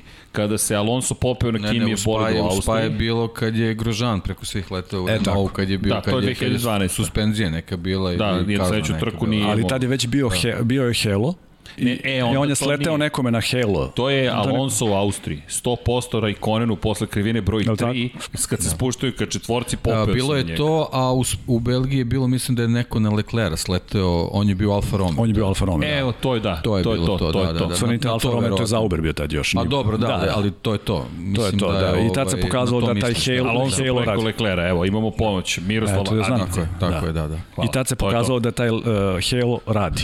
Koliko god je delao nama svima užasno iz početka. Ne, pokazalo se zaista više da, puta. Da to radi. Ovo, da. Mislim, tu estetika stvarno više je potpuno... Pa nevažna je. Ne, da, jedan de, Dekiju sam tad baš slao, mislim, bio da. sam u Silverstonu kad su oni testirali ove, u Ferrariju, Fetalu, koliko jest. treba vremena da uđe i da izađe štopericu. Ja sam slikao celu sekvencu i ja sam Dekiju poslao sve koliko je, kao strip, koliko mu je trebalo mučenje da se izvuče, šta ja znam. Ali nije to bio ovaj Heli, to je bio neki drugi eksperiment. Da, pa bili su oni eksperimenti, pa Japanke, one papučice e, da, slali, da, da, da, da, to je, da, da, da. to je tad bilo, no, ono, bila je neka šala s tim, ali zaista, mislim, stvarno, i ovaj incident sa Grožanom, Grožanom da. sve, sve da. se ovaj vidi da da je to ovaj koja mislim sad nekako zbog ove priče najviše spominjamo Monte Carlo, Silverstone bio si na dosta staza. Koja je tebi onako generalno ostavila najbolji utisak i gde, pa, gde voliš da odeš? Volim te gradske, znači Monako, tradicionalno. Tradicionalno, da. Moncu isto volim, ona nije nešto za slikanje, ali zbog e, atmosfere, kad se završi trka, to ne postoji nigde. Dobro, znači sad ne pričamo o tome, to sad ne važi. to, to ne važi. to sad nije to, da. Dosadno je malo za slikanje. Uh, tu sam propustio Ericssonov su, ono, kad se isprevrto, da, ono, da. ja sam pustio poziciju i krenuo nazad. I onda Da, se to samo, se dešava, I onda da. se samo zažmuriš i nastaviš dalje. Idem kud sam krenuo, ne vredi ti više ništa. Ove, to se dešava. E, volim, znači, gra- gradska trka, volim je Baku. On je naporan za rad jako, jer je 7 km je krug, Znači, Monako možeš još i da prepešačeš, Baku je jako teško.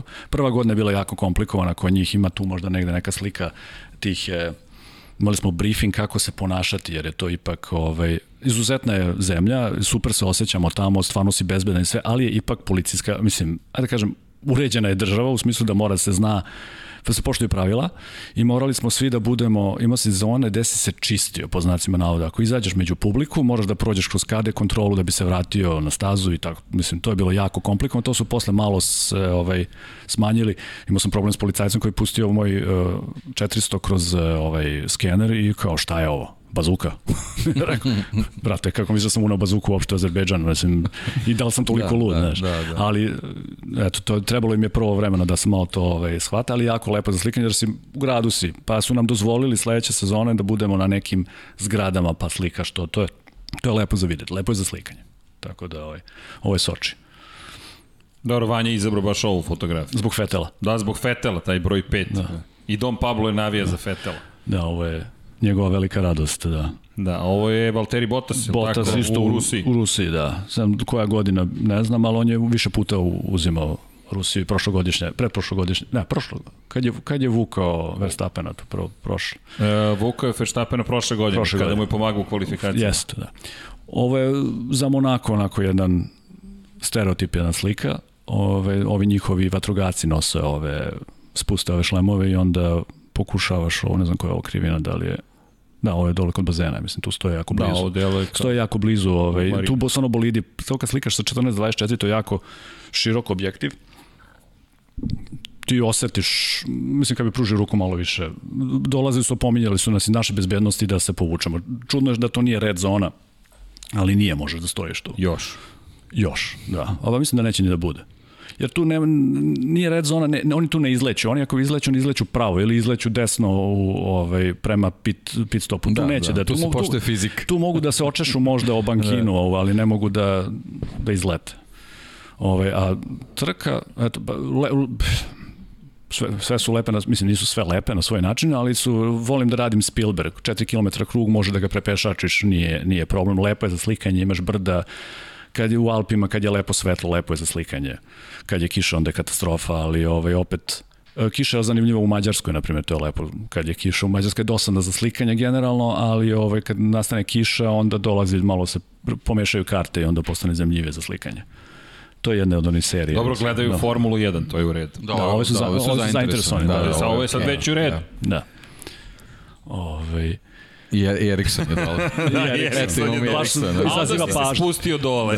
da, ovo nisu baš hronološki, a ovo je isto lepa, I lepa, onda si skočio i... ovo je isto lepa pozicija na izlasku, ovo je nekad se zvala kad se Šumacher vozio vala se autobuska stanica, jer to nekad bila autobuska stanica, se okretao autobus, da. Bilo je, da, bilo Da, je nekada. ali to da. se sad ne znam kako zvala krivina, Da, ali to je autobuska stanica bila je i u Monaku, bila je Ne, i ovaj u deo se prilično izgradio, ja posljednji Da, put kad da. sam bio ovaj već, i mislim ovak Kennedy ili tako hotelo, to nije bilo, to su bile, to su bili neki kranovi pre par godina, samo dođeš sledeći put i nikle zgradu. od Da, kran 20, koji zapravo 50 sklanja bolide i to Da, mi isto da, služi. da, da. Inače, Vanja, imaš pozdravljena sa cijelog četa za izbor fotografija. bravo Vanja. da, da, ali da. E, bio sam, imao sam, da se što tiče Monaka, bil, uh, imao sam, uglavnom sam bio kad su trke. I imao sam prilike decembra 2019. drugim povodom da budem u Monaku kad nema trke. Selo. znači, selo moje milo.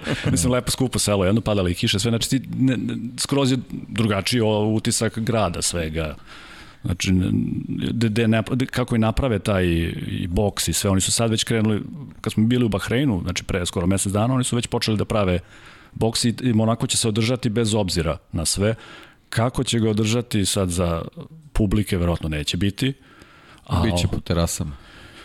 Pa Kao nekad što je bilo. te Otvorit tera- će se te ponovo će se pro- pozicije. prodavati jako skupo i ovako se Da, da. prodaju jako skupo, tako da, da to je... Da, i Singapur isto, na primjer, da. Singapur već sada bi počeo da priprema trku, da, naravno, u planu je ta trka, vidjet ćemo. Inače, neko je napisao da je Kanada navodno Da, to je otkazana. definitivno sam ja dobio sad poruku da je otkazana i da po- priča sad će možda Istanbul da uleti za, Da, to za je, Kanadu. to je, to je I ima smisla, zato posle toga je Baku i onda je to nekako logistički, ili pre toga, ne, Pa Mislim tu da je negde. Posle toga, ali sad ne znam na pamet. No, Tu su jedna i druga za cijeli trka, čas. Da, da.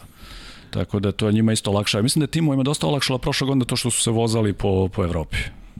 Jer je ovo Pa stvarno... dobro, da, to je bila neka, neka to. iznu, iznuđena priča, da. ali ono, pričali smo to, više da. lično neki onda evropski Da. šampionat. Da, da. Sedam dana. Nedostaju, da. Izvini, posle Azerbejdžana je na programu bila velika nagrada Kanade, Kanada. sedma runde, dakle to je pretpostavka da Znači će ideš na obe trke. Da, ako nam ne, ne smanje broj ono koliko nas može da, ali mislim da u Turskoj neće biti problema. Za Baku još nismo dobili nikakva pravila, pitali su me ovi moji da li hoćeš da ideš u Baku, hoću. I onda sam otišao na sajt Ministarstva spoljnih poslova naše kako mi možemo u Azerbejdžan, piše građanima Srbije nije dozvoljan ulazak u Azerbejdžan. Doduše nije bilo ni, ni, ni ove druge sa zemlje koje sam putao kao što nije bilo ni u Poljsku i u Hrvatsku sad koji idem za, za koji dan moraš da imaš razlog putovanja. Znači tebi je otvorena granica, ali moraš s razlogom da uđeš u tu zemlju. Nema Kako je, bilo, kako je bilo sad u Bahreinu? Ti, ti e, prošle godine tokom korone nisi bio. Ni jednu da? trku Kako nisam. je bilo sam kupljenu kartu za Bahrein i onda Kako bilo je bilo sad u Bahreinu? Uh, Vezano za, za koronu i ta pravila i to. pa svi se testiraju kad slete u Bahrein, znači obavezan test, ideš u samoizolaciju, on je, dužan si da instaliraš, mislim, ti doneseš svoj neki, ima neki zdravstveni bilten koji moraš da ispuniš, ne priznaju nikakve testove sa strane, Uh, kad sletiš na aerodrom, oni te urade test, nama su radili besplatno, a svim ostalima se naplaćuje po neki 80 evra, mislim da je obavezan test, i ideš u samoizolaciju dok ti ne stigne rezultat testa na aplikaciju. Aplikaciju moraš isto da uključiš da bi te oni pratili, O, oni koji neće da budu praćeni su već u problemu da budu u Bahreinu, ali to služi da oni, ako si ti bio u bliskom kontaktu s nekim, da te upozore da si bio s nekim u kontaktu koji je pozitivan, bla, bla, bla. I tu ti stižu rezultati i kad dobiješ taj rezultat da je negativan, možeš da izađeš iz hotela. Onda su nas testirali na Formuli 1 uh, jednom. Valjda, s- s- u stvari, ja, ja sam se testirao zbog povratka nazad, ali ovi drugi koji su bili, moraš na svaki 5 dana da imaš uh, test da bi mogao da, da radiš. Otkrili su tad u timu, na primjer, koji je bio McLaren, nešto, ukupno 12 ljudi je za, za vreme ove, trajanja trke su bili pozitivni. Ali ovaj, mere su onako, mora maska svuda sve vreme, što je opet kad si na trci Formula 1 ne ide na stazi, da držiš masku na 40, skoro 40 Upravo stepeni, to, da. jako teško bilo, ali obavezno ako te slučajno snimi kamera bez maske, možeš da izgubiš akreditaciju. Znači svi su bili u obavezi da nose maske. U, u pres centar je bio onako veliki jedan razmak, ogroman je tamo pres centar, tako da tu nije bilo nekih ovaj, problema. Oni su jako dobri domaćini, bah, Bahrein je uvek bio jako dobar domaćin i oni su bili, jako su predusretljivi za sve, za sve što ti treba i stvarno to nema nikakve zamerke. Malo je nezgodno to raditi, ali ona najveća zamerka je u stvari Evo ga Abu Dhabi. Abu Dhabi, da. Malo Čekaj, se... kako si ovo slikao? Deluje fotografija kao da si Spider-Man. ne, nego znaš čoveka u hotelu. Balkanski metod. da, ovaj, nije, nije to toliko ekskluzivno za nas, ovaj, ali o, shvatili su oni da im te slike lepo ovaj, porkazuju grad i onda su organizovali, ipak je taj hotel sad privatno vlasništvo, ali su ipak napravili deal da mi se najavimo i oni nas odvedu na, znači možda budeš na onoj drugoj strani na ovoj i to je ovako lepa jedna ono, spoj arhitekture i brzine. Ti u autić je skroz mali, ali ovaj, to je, to je isto iz Abu Dhabija, ovaj, kad ove svetlo se prelama kroz ono što smo Kimi. videli. Kimi, da. Ove, da, ovde auto je samo skroz dole. Ono ga da, dole, da. Da. da. Tu sad, Mala igra ne, da neko, bi rekao, neko bi da. rekao ono kao već preterujemo. Znaš, ono kao, šta je ovo? Ovo je tunel u... Ovo izlazi iz pit lane. Tako je, da. To je lepo za slikanje tu isto. Ove, Abu Dhabi je isto lep. Evo ga, i ovo je isto Abu Dhabi sa ovim Sparksovima. To je, ovaj, jurimo koji auto radi Sparksa. Znači, znaš da Red Bull kao vatromet novogodišnji, McLaren je isto počeo ove sezone malo da, da više, ovaj, vjerojatno su spustili boli dole. Tek sam skoro u stvari čitao kako to izgleda, taj pod i šta je, šta tu zaista pravi te varnice. Mi smo bi čak bili u nekoj teoriji zavere da Red Bull to namerno radi zbog fotke. Ono, stvarno nevjerojatno jedna slika iz, iz, iz Bakua da je Verstappen je nacrtao nešto na nebu sa, sa, sa tim Sparksom, nevjerojatno. Ove, Jel imamo tu fotografiju? ima negde, da. To, sad ćemo mi to. Vanje se zaglavio na Monaku, kod one terase otprilike, ali tu ćemo On sad je pustio sebi na drugi ekran, onako nama pušta ovo, da. ali da, ima puno fotografija. E, Kada pričamo o ovome, da da iskoristim priliku dok, dok, dok i tražimo fotografiju, pitanje jedno od gledalaca jeste bilo, preći ćemo poslije na druge neke sportske događaje, ali je bilo koju bi poziciju Jurio u Imoli, s obzirom na činjenicu da Imola Nis, dugo nije bila, niko nije nikad... mogao da fotografiše da. praktično iz ove plejade ili mali broj fotografa. Nisam je slikao nikad i to ne bi mogao da, ovaj, da kažem. Znači, Ali kako bi pristupio, izvini? Pregledao bi slike od prošle godine, malo bi popričao, bilo je par kolega koji znam koji su prošle godine bili, mada su svi ti kolege koji su bili prošle godine omašali sve što je bilo ovaj, što pa, je bilo dobro, to je, to je iskustvo. Da. da. da, da. ali to, pitaj me da li su sad u Bahreinu svi bili tamo gde Grožan izleteo. Znaš, imao si ovog da. Rusa koji je izletao, ali to je bilo bez veze, malo da. pre toga, da. Znači, to se ne, šansa da će se to ponoviti je kolika, da. A je li neko imao taj, tu fotografiju, to je bio negde u blizini? Kad... Bio u blizini, ima izlaženje, bio jedan mali, jedan Rus je bio tu, koji je slikao, tu stao da slika, ne znam, palme i koje su osvetljene, što ja znam, znaš, i to se desilo, nema kreša, ali ima ono, ali, pa dobro, da, ono da, bio vađenje, trenutak da, da, pa ima vremena, da. Da, to je ovaj, stvarno izuzetno. To ti je za karijeru. E, ovo je to. To je neka ono duga ekspozicija, neka četvrtinka sekunde. To oni koji se razumiju fotografije znaju da to sa teškim objektivom jako, ono, to se mnogo puta slika i to ono vraćamo priču kako je bilo slikat na filmu i digitalno, digi, hvala digitalnoj tehnologiji zato što da. možeš da isprobavaš. Ali onda sam video naš drugar Cvele koji je slikao 78. ponese nekoliko rolni filma, crno-belog, i ponese par slajdova kolora da za naslovnu i on mora da gađa tu naslovnu i ti imaš ne znam koliko na Hazelbladu si imao 6 12 uh, fotografija, eventualno dve rolne. Doduše Jugoslavija tad bila bogata pa je bogatija, investiralo se pa su oni imali film, ali opet nije bilo beskonačno. Ja za start ispucam koliko rolni filma, što je isto sumanuto, ali Znaš, uplašim se kad krenu da downloadujem svoje kartice ono posle, posle trke. Znači, od, to, to imam, ja sam radio statistiku kad sam sam editovao slike, znači baš bio Abu Dhabi, ja sam downloadao oko 2000 frame-ova sa jednog, eh, jednog treninga, da bih na kraju poslao 30 slika. I to sve u roku od manje od sat vremena. Znači ti prođeš ovo sve, nešto, nešto obeležiš dok slikaš, znaš šta tražiš, onda redukuješ, obradiš, popišeš i pošalješ. To zahteva baš jednu ono,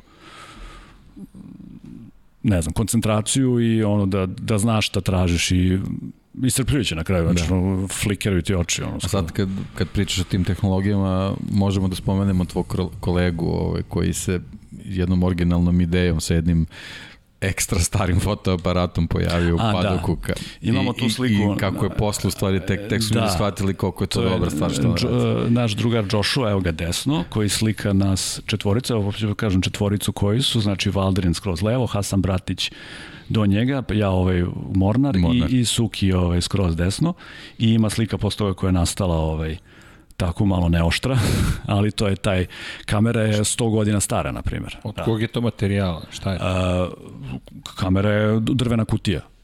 Znači, prava, prava film, kamera, kamera, da, da, da, da, da. da. Čovjek je došao na ideju bukvalno da, da u moderno vreme pravi fotografije da, bio, sa opremom od pre 100 godina. Jeste, njemu da. je bio ovaj, čuveni fotograf Lartig koji prvi počeo da slika te ove, uh, trke trke automobila tada i on nekako našao inspiraciju u tome, našao je tu kameru i pojavio se, ja sam ga prvi put video na prvoj trci u Monaku, gledao sam šta ovaj čudak radi, onda nas je Suki upoznao s njim, naravno da je, Čuki, da je Suki uh, okupljao razne ljude oko sebe, pa i njega, ispostavilo se da je Joshua ovaj, inače naš set bivši, on je imao ženu iz Kragujevca, bio je tu isto više puta, i ovaj, on je počeo to da slika, i svi su da slika s tom kamerom i svi su ga gledali kao vidi ga ovaj hipster, ovaj nešto pokušao. I onda je po, pokazao slike sledeće sezone Pa je CNN uradio priču s njim i ovi koji su se svi smejali, bilo je ono, svi su se počeli da, a Joshua, kako si ovo, ono, znači da malo, kad je neko im postane slavan. A on je ostao naš drugar, Znači,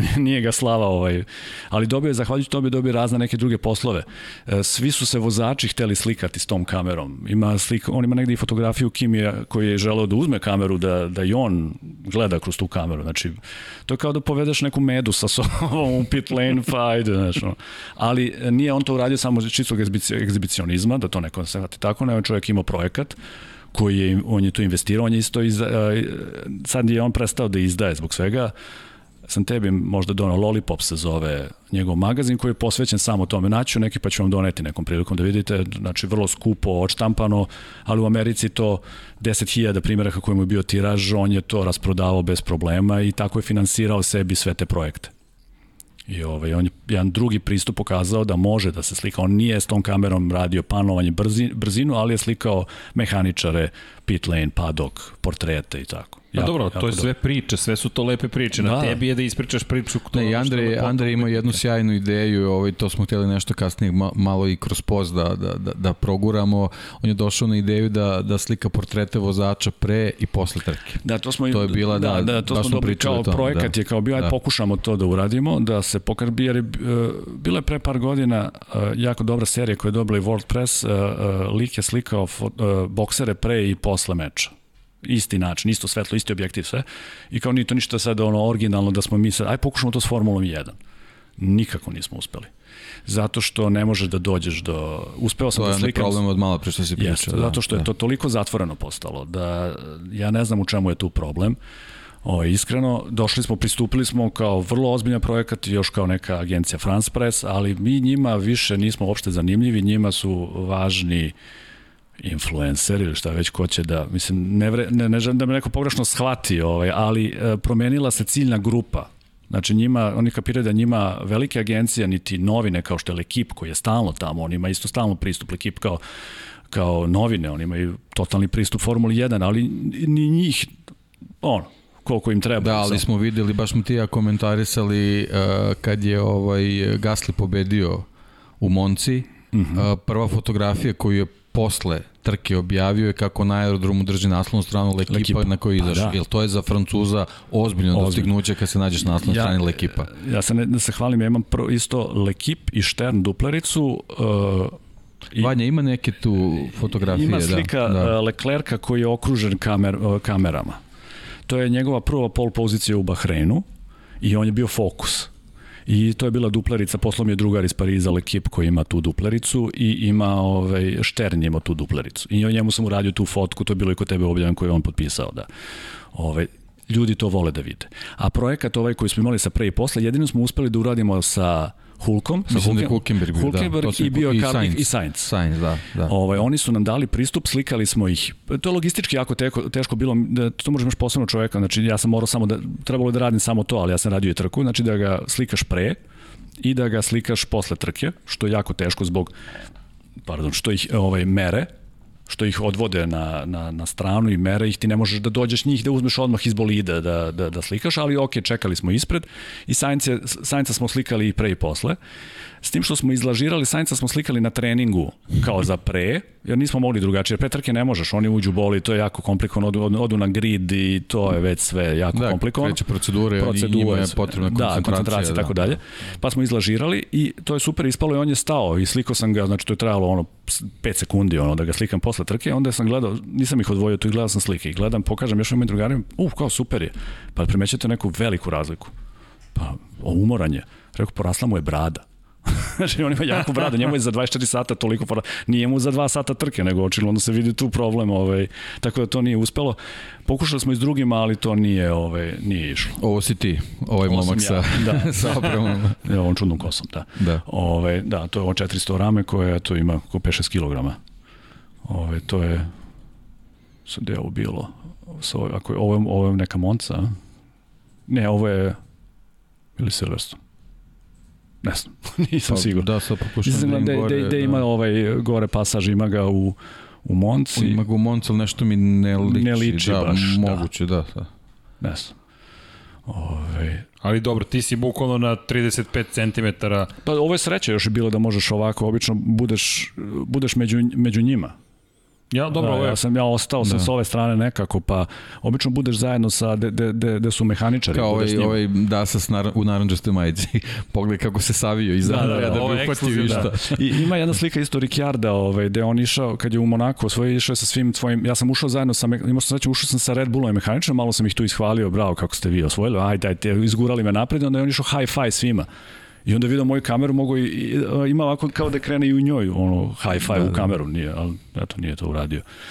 Ove, to je, To je lepo kad imaš taj pristup kad si... Pa to su te drugačije To je slike, to, to. je malo, To je malo to. To sad više- to- to sad nemamo. Da. I da li će se to vratiti, kad će se vratiti da možemo da se ovaj, ne distanciramo pitanje.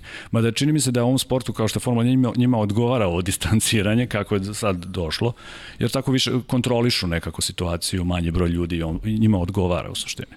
Da, e sad vezano za tu organizaciju, čisto malo da se prebacimo u neke druge sportske teme, olimpijske igre, svetska, evropska, atletska prvenstva, to, si, to, to, To ti je sam, nekako, da, to su tvoji zadaci bili. da. Kakva je tu razlika u organizaciji, koliko tu nekih ograničenja postoji, ne postoji, ili, ili je tu neki veći interes da vi uradite svoj posao što bolje i što kvalitetnije? Pa, Aha, evo ga, To je evo to, ga, da. da. Ove, High five. high five, da. On je super lik, skroz za, i za, saradnju i vidiš kako, da, to, to nismo pričali, vraćamo se na ove, mm -hmm. o, ovo začima Formule 1. Ove, evo sad i u Bahreinu bilo, svi dolaze s maskama i tako da je to isto glupo, jel? Problem, mislim, Da, mi znamo ko je, ali ajde, moraju i oni poštuju protokol i sve. Prvi dan je Hamilton izašao, on ima, on ima tu neku potrebu da beži i da se skriva od kamera iz nekog razloga, da li je to njegovo nešto što Nadal pomera bočice, pa i on tako isto neće da, da slavi, da pokazuje bilo kakvu emociju do, dok možda ne pobedi, tad je drugačiji.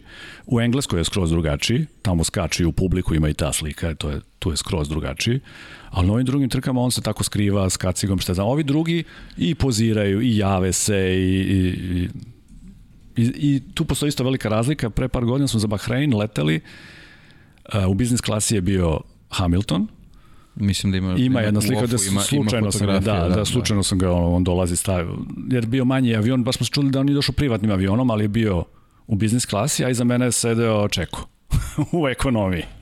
u ekonomskoj bio je iza, iza mene. Tako da, ovaj, i tu se vidi, evo ga, da, ukrcava se.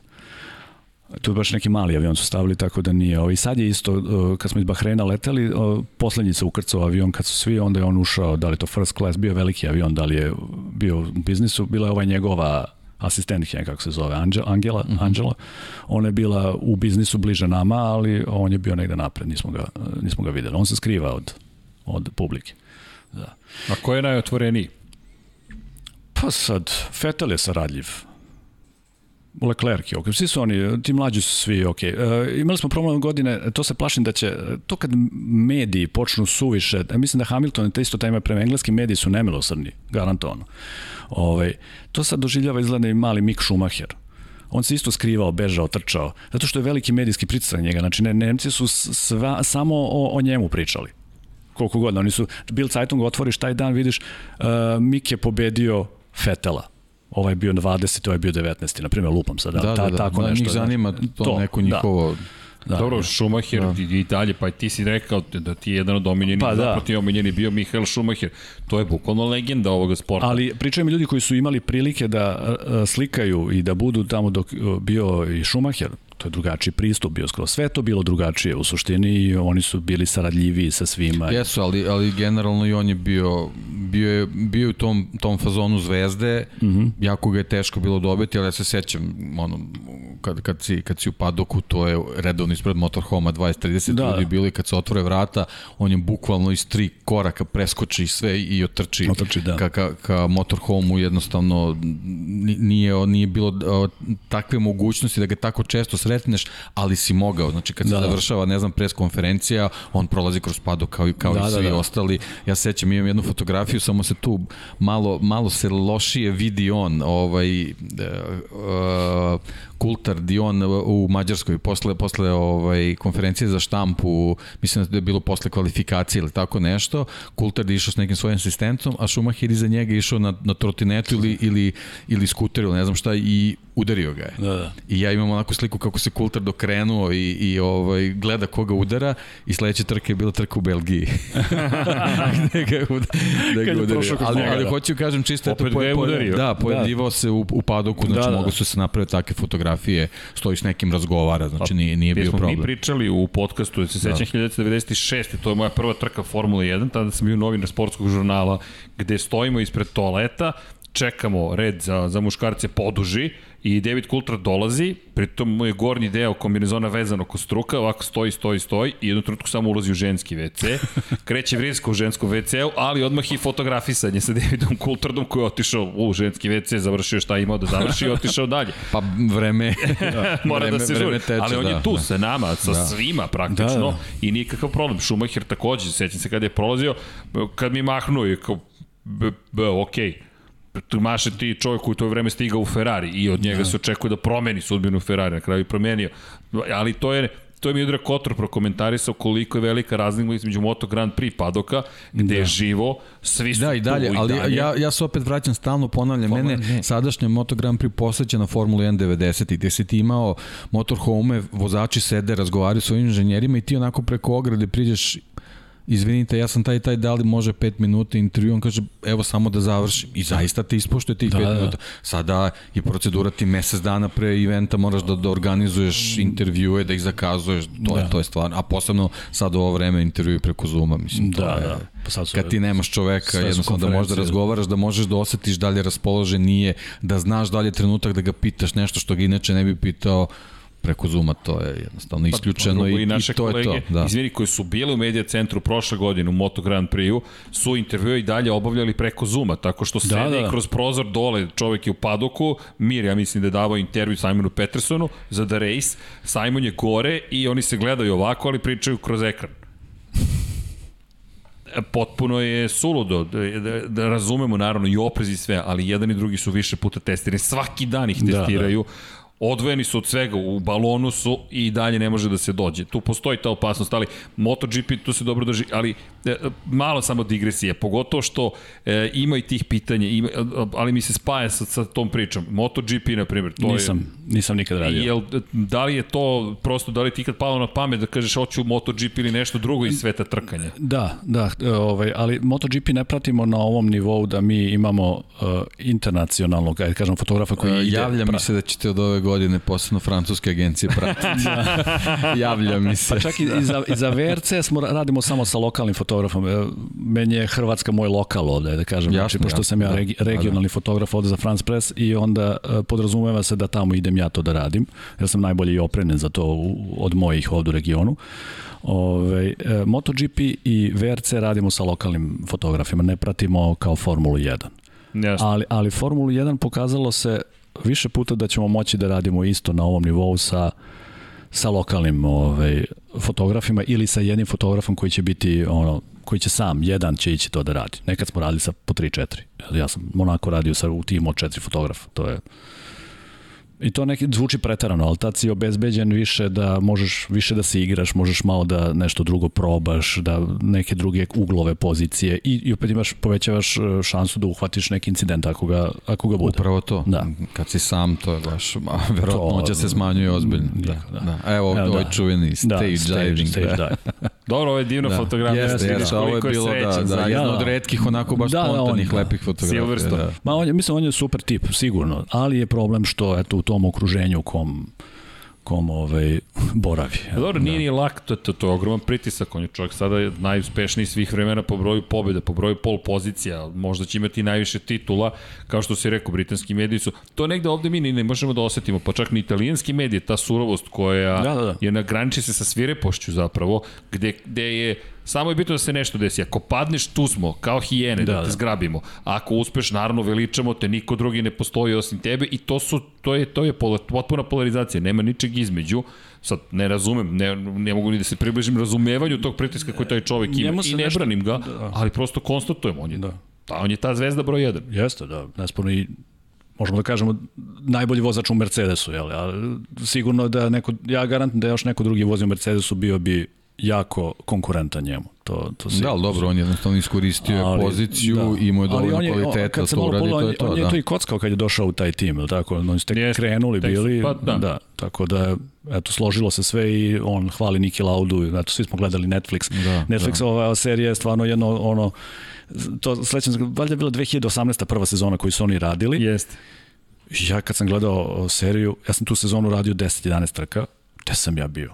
Šta sam ja video? Šta sam ja video? Zato što su mi fokusirani. Jer, Tvoj ugao je drugačiji. jer u prvoj da, sezoni da. oni nisu uopšte radili Ferrari i, i uh, Mercedes. Radili su ove timove na, kraj, Manje. na kraju pitlane koje mi ono obiđeš samo ako se nešto desi, jer si fokusiran kao jer to ti je ono prime news, ono da, da slikaš Mercedes, Hamiltona, Verstappena možda i Ferrari tad koji je bio ajde kažem konkurentan. Tako je nekad i televizija radila, Da. prenosi. I onda su ovi otkrili iza, iza skroz šestog priču. mesta. To Niko ne je, zna ako šta si je u bilo. kadru, to je Da, premija. da, To je premija. Tako da je super stvar, a mislim da, da je dobro do, sad e, donela to da i ovi drugi čuju šta jedni od drugima misle kroz Netflix. Malo i njih otključavaju jedne ka drugima. Mislim da tu ima malo. Tu gledamo ovu igru između Hornera i Toto Wolfa e, i posebno Hornera sa ovim što je otišao iz Renaulta. Da, tu se to vidi. To se videlo tamo dok smo mi, ja sam posle premotao film, pošto tad smo slikali ovaj, jednog i drugog, tek onda ti dođe to da shvatiš da su ta neka igra koja je bila, ali ovi su to naravno majstorski to upakovali i stvarno je super. Ta, taj Netflix ja mislim da radi više za da, Drive to Survive, da ne reklamiramo Netflix, nego ta produkcija ta mislim čini više za Formulu 1, sad ko može ima prilike da je gleda, preporučujem je svakome, nego, nego trke ili sve što drugo ovaj, vide ljudi koji vole Formulu 1. Da, evo, Marina nam je skeptična, kaže ništa ne verujem Netflixu, ali te- Pa ne može se ne veruje. ne, oni ljudi, Oni voze priču kako oni hoće, Tako to je je. scenariju postoji, mislim, to je... Od, vidi, to je postprodukcija i sam znaš kako složiš, Pa da. ali to se zaista desilo, Desilo ništa to se, nije namešteno. ništa nije Ti namešteno. ljudi zaista pričaju to što pričaju. Da, oni, one ofove oni naprave posle kao da je to bilo autentično, to se provaljuje, nisu nisu oni to prvi rad, pa film čuveni o Seni koji je rađen, koji je ono isto vrhunski dokumentarac, kako je urađen, rađen je post festum, ali ide, tebe vozi kao da si ti svakog trenutka tamo, tako da su i ovi majstorski to zaista rade. I ja mislim da to je jedno, onako jedna super stvar, skroz. Pa da, Pa, evo. za popularizaciju Za Formule 1. popularizaciju Formule 1, zato što su bili- Jer je njima to neophodno, da. Jedini selfie koji imam sa nekim od vozača. To je bila veliko slavlje u, Sir u, Jackie Stewart. u Monci kad je Leclerc osvojio, to je bilo 2019. valjda. Li tako? Nije. 2019. Jeste. Jeste, jeste. E, onda je tu bila super atmosfera, tifozi, ovo, ono sve i on je stavili sve jedan pored druga i rekao, ja se izvinjavam, nemam selfie, nisam, mogu sam, može, naravno. Super je. Da, ovaj, da, s, njim bi, s njim bi sigurno mogao da uradiš pre i posle trke. Fotografije, jer on je znao kako se to pa, radi. da, da. I, I kad je bio u, u, u ono, apsolutno najvrhunac slave, kad je bila, Da, da, da. neverovatno bio predusreditelj Pa sa sko, medijima. skoro sam našao film Romana Polanskog koji je radio Weekend Tako of a, of a Champion. je, da, znači, da, neverovatno. To je isto stvarno. To treba pogledati. To treba svako da treba pogleda. pogledati. Treba pogledati kako, kako, I to- stoji, kako stoji na ogradi i sluša gde ko menja brzine i da li, će, da li će biti dobar vozač ili neće. Da. Mislim da je pratio neku trku Formule 3 da je bilo. Da, ali dešava se sve u, da, a Jest. dešava se sve u Monaku, Da. pomenutom. A Roman i Polanski on su delili hotel, bili, Jest, bili ne, drugari, to je snimao, drugari, da, ali da, ovaj je da, film da. napravio tek mnogo godina Pa pre kasnije. par godina da, je to 2013. urađeno, da, na primjer, da, da, da, da. Preporučujem imam ga negde, ali ovaj, možemo... Ga ja. možemo- da, mi. Ups, da. Trebalo bi ga imati u nekom Da. dobrom kvalitetu. Stvarno je super ovaj film. To i, i što se tiče filmova, na primjer Formula 1 isto, zove se samo jedan se zove film. Počinje sa crashom ovoga, nije Herbert, nego ovaj, kako vodi na Sky u engleskom? Martin Martin Brandl. Brandl koji se isprevrtao u Australiji, je li tako? Pa je, pa je trka zaustavljena U Brandlu To je u Jordanu. o, Kad mu se polomio bolid na... i vratio se i nastavio trku u drugom rezervnom bolidu. Moguće, da. Da, da, Da, to je Jordan, to je zlatni Da, da, da, Jordan. zlatni Da, Jordan, da, da, da, da. početak E, ta, sezone. taj dokumentarac Benson Hedges, naći, radio, uh, radio ga ovaj Fassbender, uh, Fassbinder, Fassbender, glumac, ne, ne reditelj, nego glumac, on je bio producent tog filma i to priča o dosta o sigurnosti Formule 1 kroz istoriju. I tu stvarno ima svega i svačega. Ko voli Formulu 1, preporučujem da to pogleda, svašta će da sazna. Znači, baš je ovaj, baš super. Ne, to, to je generalno treba se vratiti malo u, u, u neki period ranije ko nije pratio formulu čisto da vidi kako to nekad Ili mo, izgledalo. u Monci kad šetaš pa staneš na onaj oval. Ne budi ti dobro, znači možeš do par metara. Uh, Austrija, mislim da je. A ono što si govorio... Da, lepo Da, vreme, kad, kad, kad si tu, vreme, da, da. onda ne. izmišljaš ovu travu, mirišeš kao Ferdinand. Ferdinand, to, to, to, to, to, ko je razletio Ko- bikove. Da. Ali bikovi su malo pre bili u kadru. Da.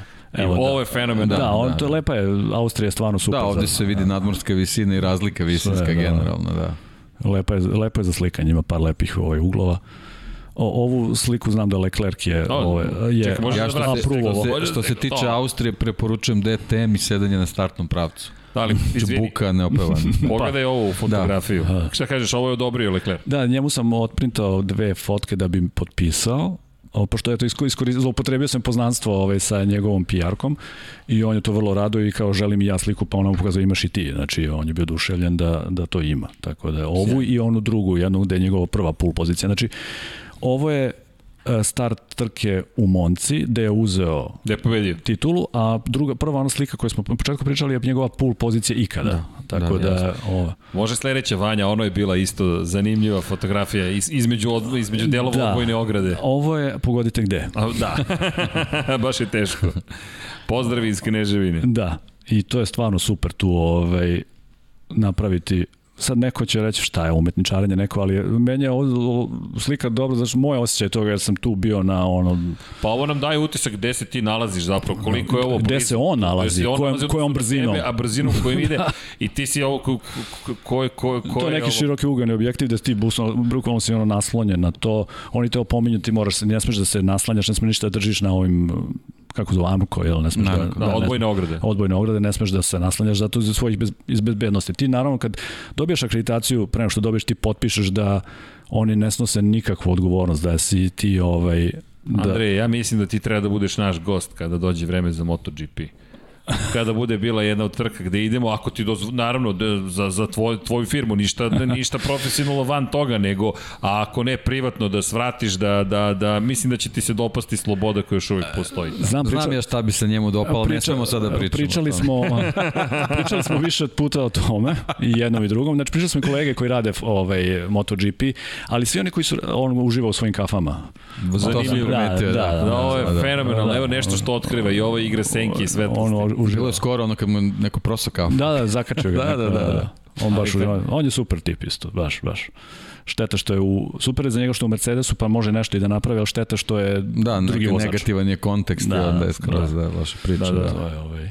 Ali izvini, prekinuo smo te MotoGP, vidiš da. MotoGP, voleo bih, ali kažem, ne, ne znamo još uvek kad ćemo na tom nivou, znači u suštini uh, mogo bih da... Ali pričali su ti nešto kolegi, to si je krenuo da kažeš. Pa kako je to, dru... uh, uh, kolege koji su radili Formulu 1, koliko god smo mi protiv tih nekih strogih pravila u Formuli 1, kad dođeš na MotoGP, pa ovo je divljaštvo. Ne postoji, ne postoji nikakva da. pravila. Znači možeš, samo da ne izađeš na stazu, sve ostalo je dozvoljeno. Nemaš one žice, nemaš, sve ti je mnogo lakše za rad. Ove, ne, sad ne znam da li karikirao jedan naš kolega koji je, kaže, izašli su, ne znam, neka trka, izašli su u džipu na, na, na zelenu, onu, zelenu deo staze i to je kao ekipa, VIP ekipa koja snima. Nije baš tako. Nije baš tako. Tako, ali skoro. Da, Nije baš Postoje tako. jedne, jedne naranđaste oznake, mm. iza nje nikako ne smiješ. Da. Dotle nije problem. Da. Ali naravno, mislim daleko od toga da, da tamo baš ali, ljudi ne znaju da se ponašaju. Ali, da, da, opasno ne, ne, ne, opasno, opasno je, da. A i teže je za slikanje od, od ovoga, oni jako brzo idu, mali, a mali su, tehniku, mali su mnogo brzo. Su ubrzanja, i, a, da. a, a mal... Ti si, da, ti si daleko, ipak si daleko od da. njih i to sve za, za slikanje ne može da napraviš ovo sve što imaš ovde, pogotovo što nemaš ovu lepotu Formula 1 kad se dešava u gra, kao već imaš ove stare trke tradicionalne koje se dešavaju u nekim gradovima lepim pejzažima, to ne, to ćemo na ostrovo Man, pa ćeš imati. Pa ima da, Austrija, da. isto MotoGP. Prošle da. godine da si stajao na ovoj poziciji, imao bi fotke. Da, znamo, imao da, da, da. Kad da. bilo prole, proletanje, da. Jeste. Da, da. Ovo Recimo, ili imaš vremena generalno slikaš ove niže kategorije? Nismo nikad pričali o tome. Jel... Samo ako nam traže, pošto tu ovaj, e, nije neki zahtev od klijenata i onda to ne pratimo, ali smo slikali prošle godine pretprošle u stvari sve, ovo je jedna pauza da. godina, da. Ovaj, slikali smo Šumahera, malog jer se pričalo da će da, da uđe u Formulu 1 i slikali smo njega, on je ostao na testovima u Bahreinu pa smo ostali ekstra par dana da slikamo testove i slikali smo i neku trku koju on uzeo prvo mesto, ne mogu se setim da li to možda bila baš Monca pre par godina ili negde da smo slikali, znam da sam to išao da slikam. I ti, ti bolidi su mnogo dobri. Znači, Formula 2 ili možda grešim čak i Formula 3. Šta se sad vozilo u Bahreinu kao side event? Da li je trojka ili dvojka? Dvojke, dvojke. Dvojke, dvojke. Mnogo lepo izgledaju bolidi, tako će valjda izgledaju sad ovi od 2022. ili pa, vezano za, za profil pneumatika. Da, biće da. veći točkovi, biće, možda će biti i kraći. Ovi su stvarno veliki. Što kaže naš pa, da, drugar Srđan, kad, ga, ovaj, kad smo u Red Bullu baš bili u Monaku, bilo parkiran bolid, preto kao autobus. Stvarno pa da, dugač. I, i, i, i, on, da, I on kaže, majstori se, on je vozio, Srđan je naš druga koji je vozio reli trke Srđan Petrović Fox. Da, da, pilot i fotograf. Da, pilot da. i fotograf da. i vozač, bivši reli vozač kaže, oni su ozbiljni momci, vozači, kad oni ovaj autobus Proteraju, proteraju kroz Monako, tim brzinama. Da. Znaš, to je stvarno, im, treba Da, imati herca za zaboravlja. to. Da. I to je jedno bilo pitanje zašto ponekad Formula 1 ne izgleda tako brzo kao što je izgledalo ranije. Pa mnogo je kraći bio bolid, mnogo je Da, manje da. bio bolid, to je bio Da, da. zvrk u suštini. Oni su karting. stvari bili veliki kartinzi, Kartinzi, a ovo je je. sad mali autobus. to je to. Da, ovaj linij, kako se zove? Što je? Pa linijski, da, da, neki. Neki šatl. da, bukvalno. da, pe, A, to je ali, pitanje. ali, a lep zvuk prave, uh, što se Formula tiče 2. zvuka Formula 2. I ono pucanje, ovaj, i vatra i sve, znači stvarno. Da, ovo je lep kadar. Da, to je je. Baku, da. To je čuvena krivina, tu se, to se izleće. Tu se, da, tu imam neko izvlačenje, mislim, nekoga, ali eto, to Tu nisam je stigao Leclerc da- napravio čuvenu grešku Da. kada je pokušao da dođe do pol pozicije i potencijalno prve pobjede. Da. Ali je- to je, to je Pa lepo. da je ovde kad bi postavili poprečno automobil, videlo bi se da je staza uža nego što je automobil dugačak. Ovde ima Da. manje od 5 metara. Da, da, da, da. Da, da, taj I prolaz. Bilo je zaglavilo, da. jedan put su zaglavili tu, ono, da, da. Da. ne može se, baš je usko tu. Ovo je, Austrijanci znali da znaju, znači Znaju, stvarno da. Red Bull je stvarno tu stazu organizovao super i ceo, ceo tretman koji imamo tamo je stvarno isto fenomenalno. Ovaj, ovo je isto Austrija. Austrija, da. da. malo tu, što bi neko rekao, Svi, svi sa tribine preko puta slikuju ovo. Imam Da. ja slike.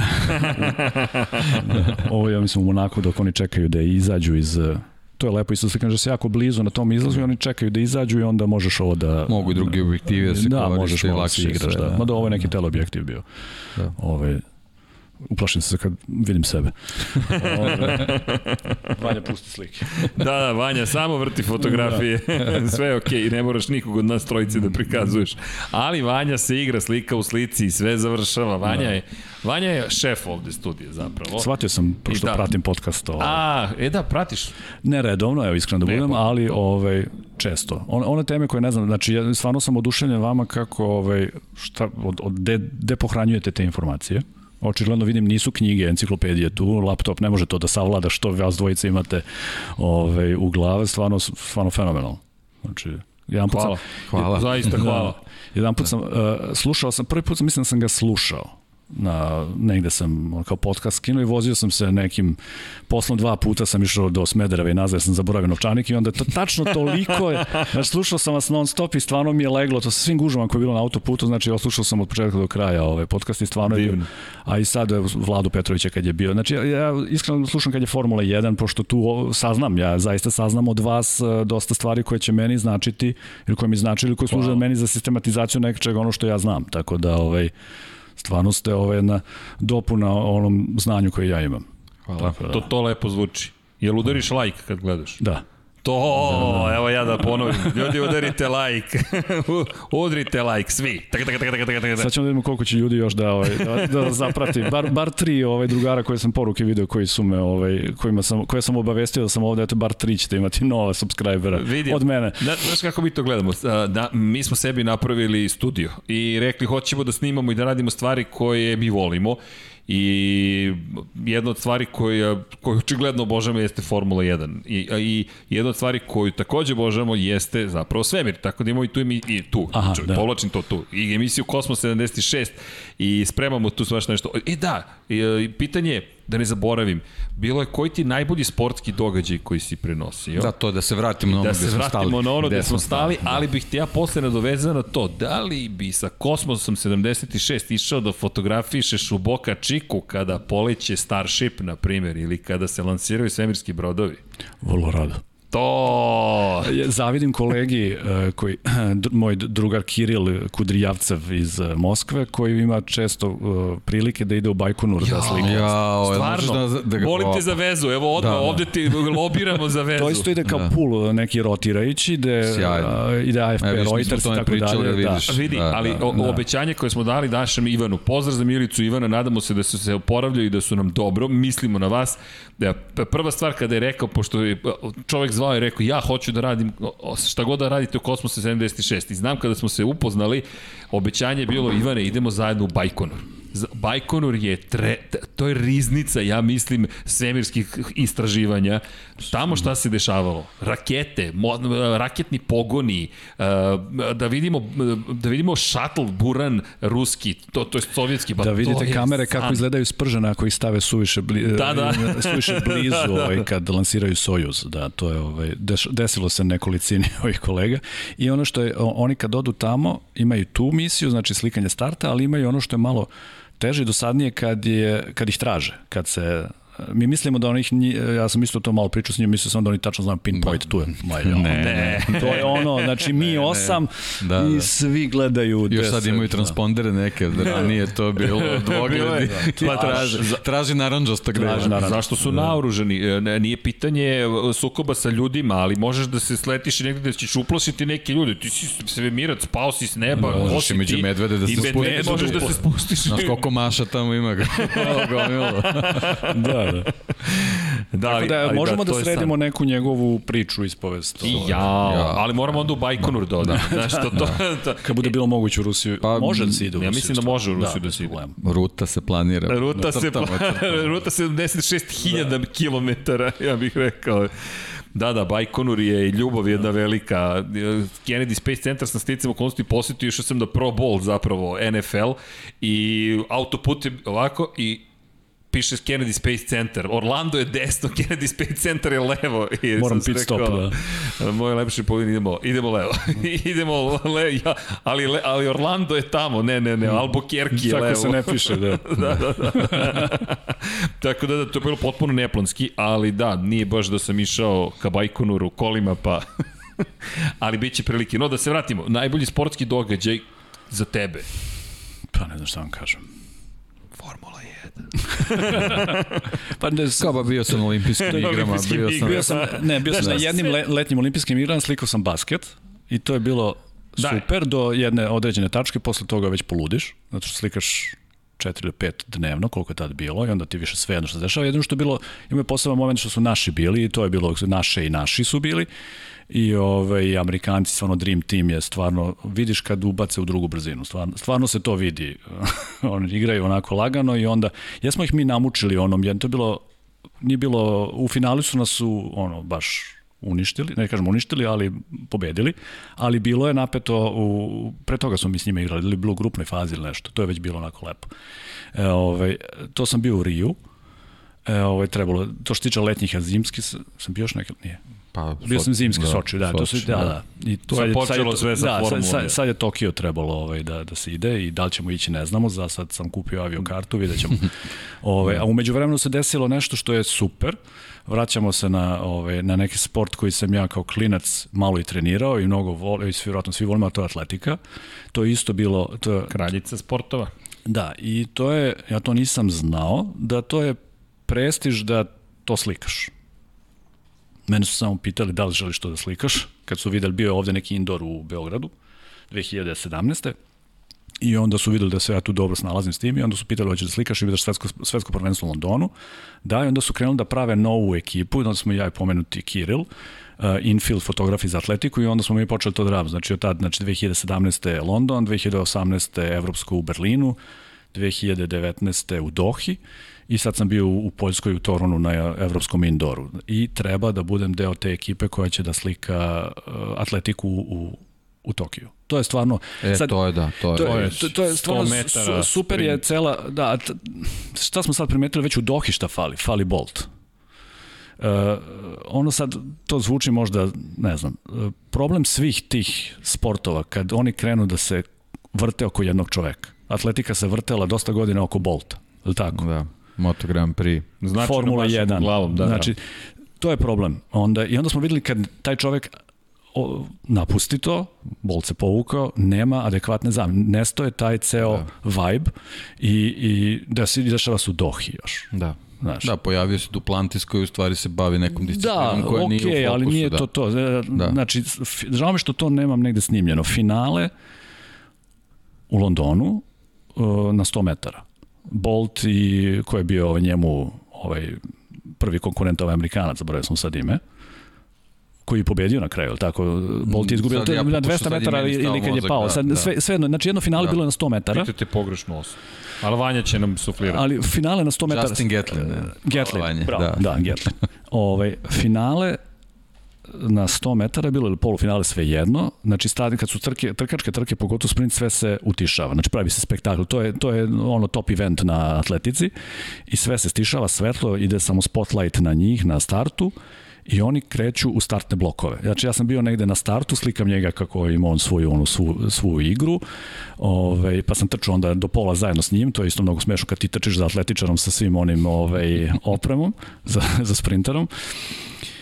I ima ovi o, ekipa fotografa koji slikaju finish liniju. Tu su dosta remote kamera, na primjer. Naš fotograf je u Dohi slikao u, istovremeno sa sedam kamera, na primjer. Različitih objektiva, različite su tra, staze na kojima oni očekuju šta će se desiti. To je jedna velika mašinerija što se tiče tih uh, brzinskih, tih uh, trkačkih, tih trka, jeli, tih uh, sprinteva. Ove, I kreće sam, oni prilaze startnom bloku i onda kreće kao zujanje stršljanova. Hiljadu stršljanova, a u stvari to su zavesice od aparata. Non stop. Znači, to traje, oni trče 10 sekundi, a ovo traje sve ukupno minut. Znači, neverovatno. Koliko je to hiljada frejmova, koliko je tu zavesica otišla na remont posle. Znači, to, to je, ne, ali ne, žao mi što ne, jer sam bio fokusiran da slikam i nisam mogao da, ovaj, da snimim taj zvuk, ali to, to je ne, neopisivo. Znači, zujenje kad ti vidiš koliko je to jedno ludilo i sad zamišljaš one druge ljude, pošto mi kad radimo te velike evente, tako je bilo na olimpijadi, ja sam tad sliko basket i kad je bilo finale atletike, bio sam baš u centru gde ovi svi editori sede i primaju slike i svi oni ovako gledaju liniju kod, jer e, automatski šalju, kako ti slikaš ide na e, Ethernet kabel je u, u, u fotoaparatu, slike idu direktno na žicu. I stižu kod editora koji sad treba da kropuje, ovaj drugi Nema piše caption. wirelessa, žica, gigabitna. Žica, definitivno, da, žica, da. To je to, ili optika. To je pouzdano. I da. jedno i drugo je stvarno neverovatno koliko se to frejmova ono, transmituje, koliko tu treba koncentracije, koliko je to postalo ludo isto na neki način, ali ovaj, to je, to je, to je fascinantno. I kad smo to, da, atletika je definitivno, gde god da se održava, nije Osim važno. onog dela kad završi trka za, zastave, ne sad što mora da se slika i to je malo onako. Da, ima, To sam te video par puta Ima smešna na- scena, na da, kad trčim, da. uh, Da. to je, trčao sam za, za Amerikancem u, u Dohi, koji je bio ovaj na prepone sad mozak, malo sam omatorio pa ne sjećam se baš sa svih imena, uglavnom bilo je smešno, ima snimak i gledaju ovi od ozgo, pošto su na tribinama bili ovi Ovaj pošto ja, ja i Rus smo infield fotograf. Infield znači da smo mi na zelenom, da smo unutra. I mi slikamo to taj počasni krug i te reakcije i sve to. Gde sam ja krenuo sa svim svom opremom da trčim za njim po stazi, što mi je dozvoljeno bilo, do određene tačke možda trčiš i ovi gledaju od ozgo, da li je lud, a Rusko je gleda u tom isto zbunjenje, jer napravili smo tako da se ne preklapamo, nas dvojica nemamo, da ne guramo jedan drugo, što je glupo, on je naravno čovjek preseko stazu pravo. A ja sam kao da budem pametan i očekivao da će on da stane u nekom trenutku i da se okrene, da se vrati kao ostatku tima američkog, američkog. To je bila neka moja reakcija. To je krenuo da se rastrčava, da. Da se Okrenuo istrčava. da se istrči, da, i lego tamo negde, svi imaju sliku, ja došao na kraju, puf, paf, puf, paf, znaš, ono, kao, mislim, šta ti, imam super sliku, bio sam u Monaku na, na izboru za fotografiju godine, ovaj, treća je bila u konkurenciji. Eh, ne da. E, tako da. Trebali smo tu sliku da ponesemo. Da. Holloway, Holloway, Holloway, tako se da. Tako da, eto, to je... Tako da atletika. Atletika je Atletika. definitivno mnogo je lepa zato što za razliku od Formule 1 gde gde je tehnika dominantna, definitivno. I, i, i e, ljudi koji, naravno, neki ljudi proizvode te vrhunske automobile, e ovde imaš čisto ljudsku snagu i, i stvarno nevjerojatno. Kad uh, čučne da slikaš, na primjer, trka koja deluje spora, ali daleko toga spora, Deki, vjerojatno, ti si bio sprinter, ali 800 metara. Takač, da, ali... 800 metara trka. To deluje kao 800 metara. To takav vetar naprave pored tebe, ono, 10 ljudi, ne baš kao formula, ali osetiš, znači, da neki ljudi prave, prave vetar, ono, svojim trčanjem. I to je stvarno super. I Duplantis je stvarno fenomen. Imam jednu super sliku, mislim, sliku koju ja volim, Duplantisa u Berlinu, koji izgleda ovako kao Spider-Man leti pada, ovaj, ovaj, kad je napravio taj skok koji ga je odveo Da. u vrh, da. Da, ima 6.15, 6.18, da ima tada. I on je stvarno da. super, a njega kad pogledaš on je ovako. Znači, stvarno... Dečkić. Dečkić. Niti ima six pack neki poseban, ništa. Da je onog Poljaka, vidiš da bi pojeo sve, ono, i strunjaču i sve, ali, ali ovaj mali je bolji. I super su oni između sebe svi, to je to mi se sviđa u toj atletici. Redki su neki, bar nisu očigledno to rivalstvo da, da se ne podnose nešto, neko postoji ipak taj neki sportski duh, ajde da kažem. I oni, baš ovi skakači, vidi se kako oni poštuju jedan drugog na kraju, svi zajedno skaču na onoj strunjači i nešto se raduju. To nije nameštano uopšte. Čini mi se baš tako. Ili bar dobro glume. Što pa je isto okej. Okay. Pa, isto, nije, ne, ne, ne, ne, ne, nije drugačije. Drugačije mentalni sklop drugačije, se bavi tim sportom. Znači, eto, definisam, Formula 1 i atletika. Gde god da se održava.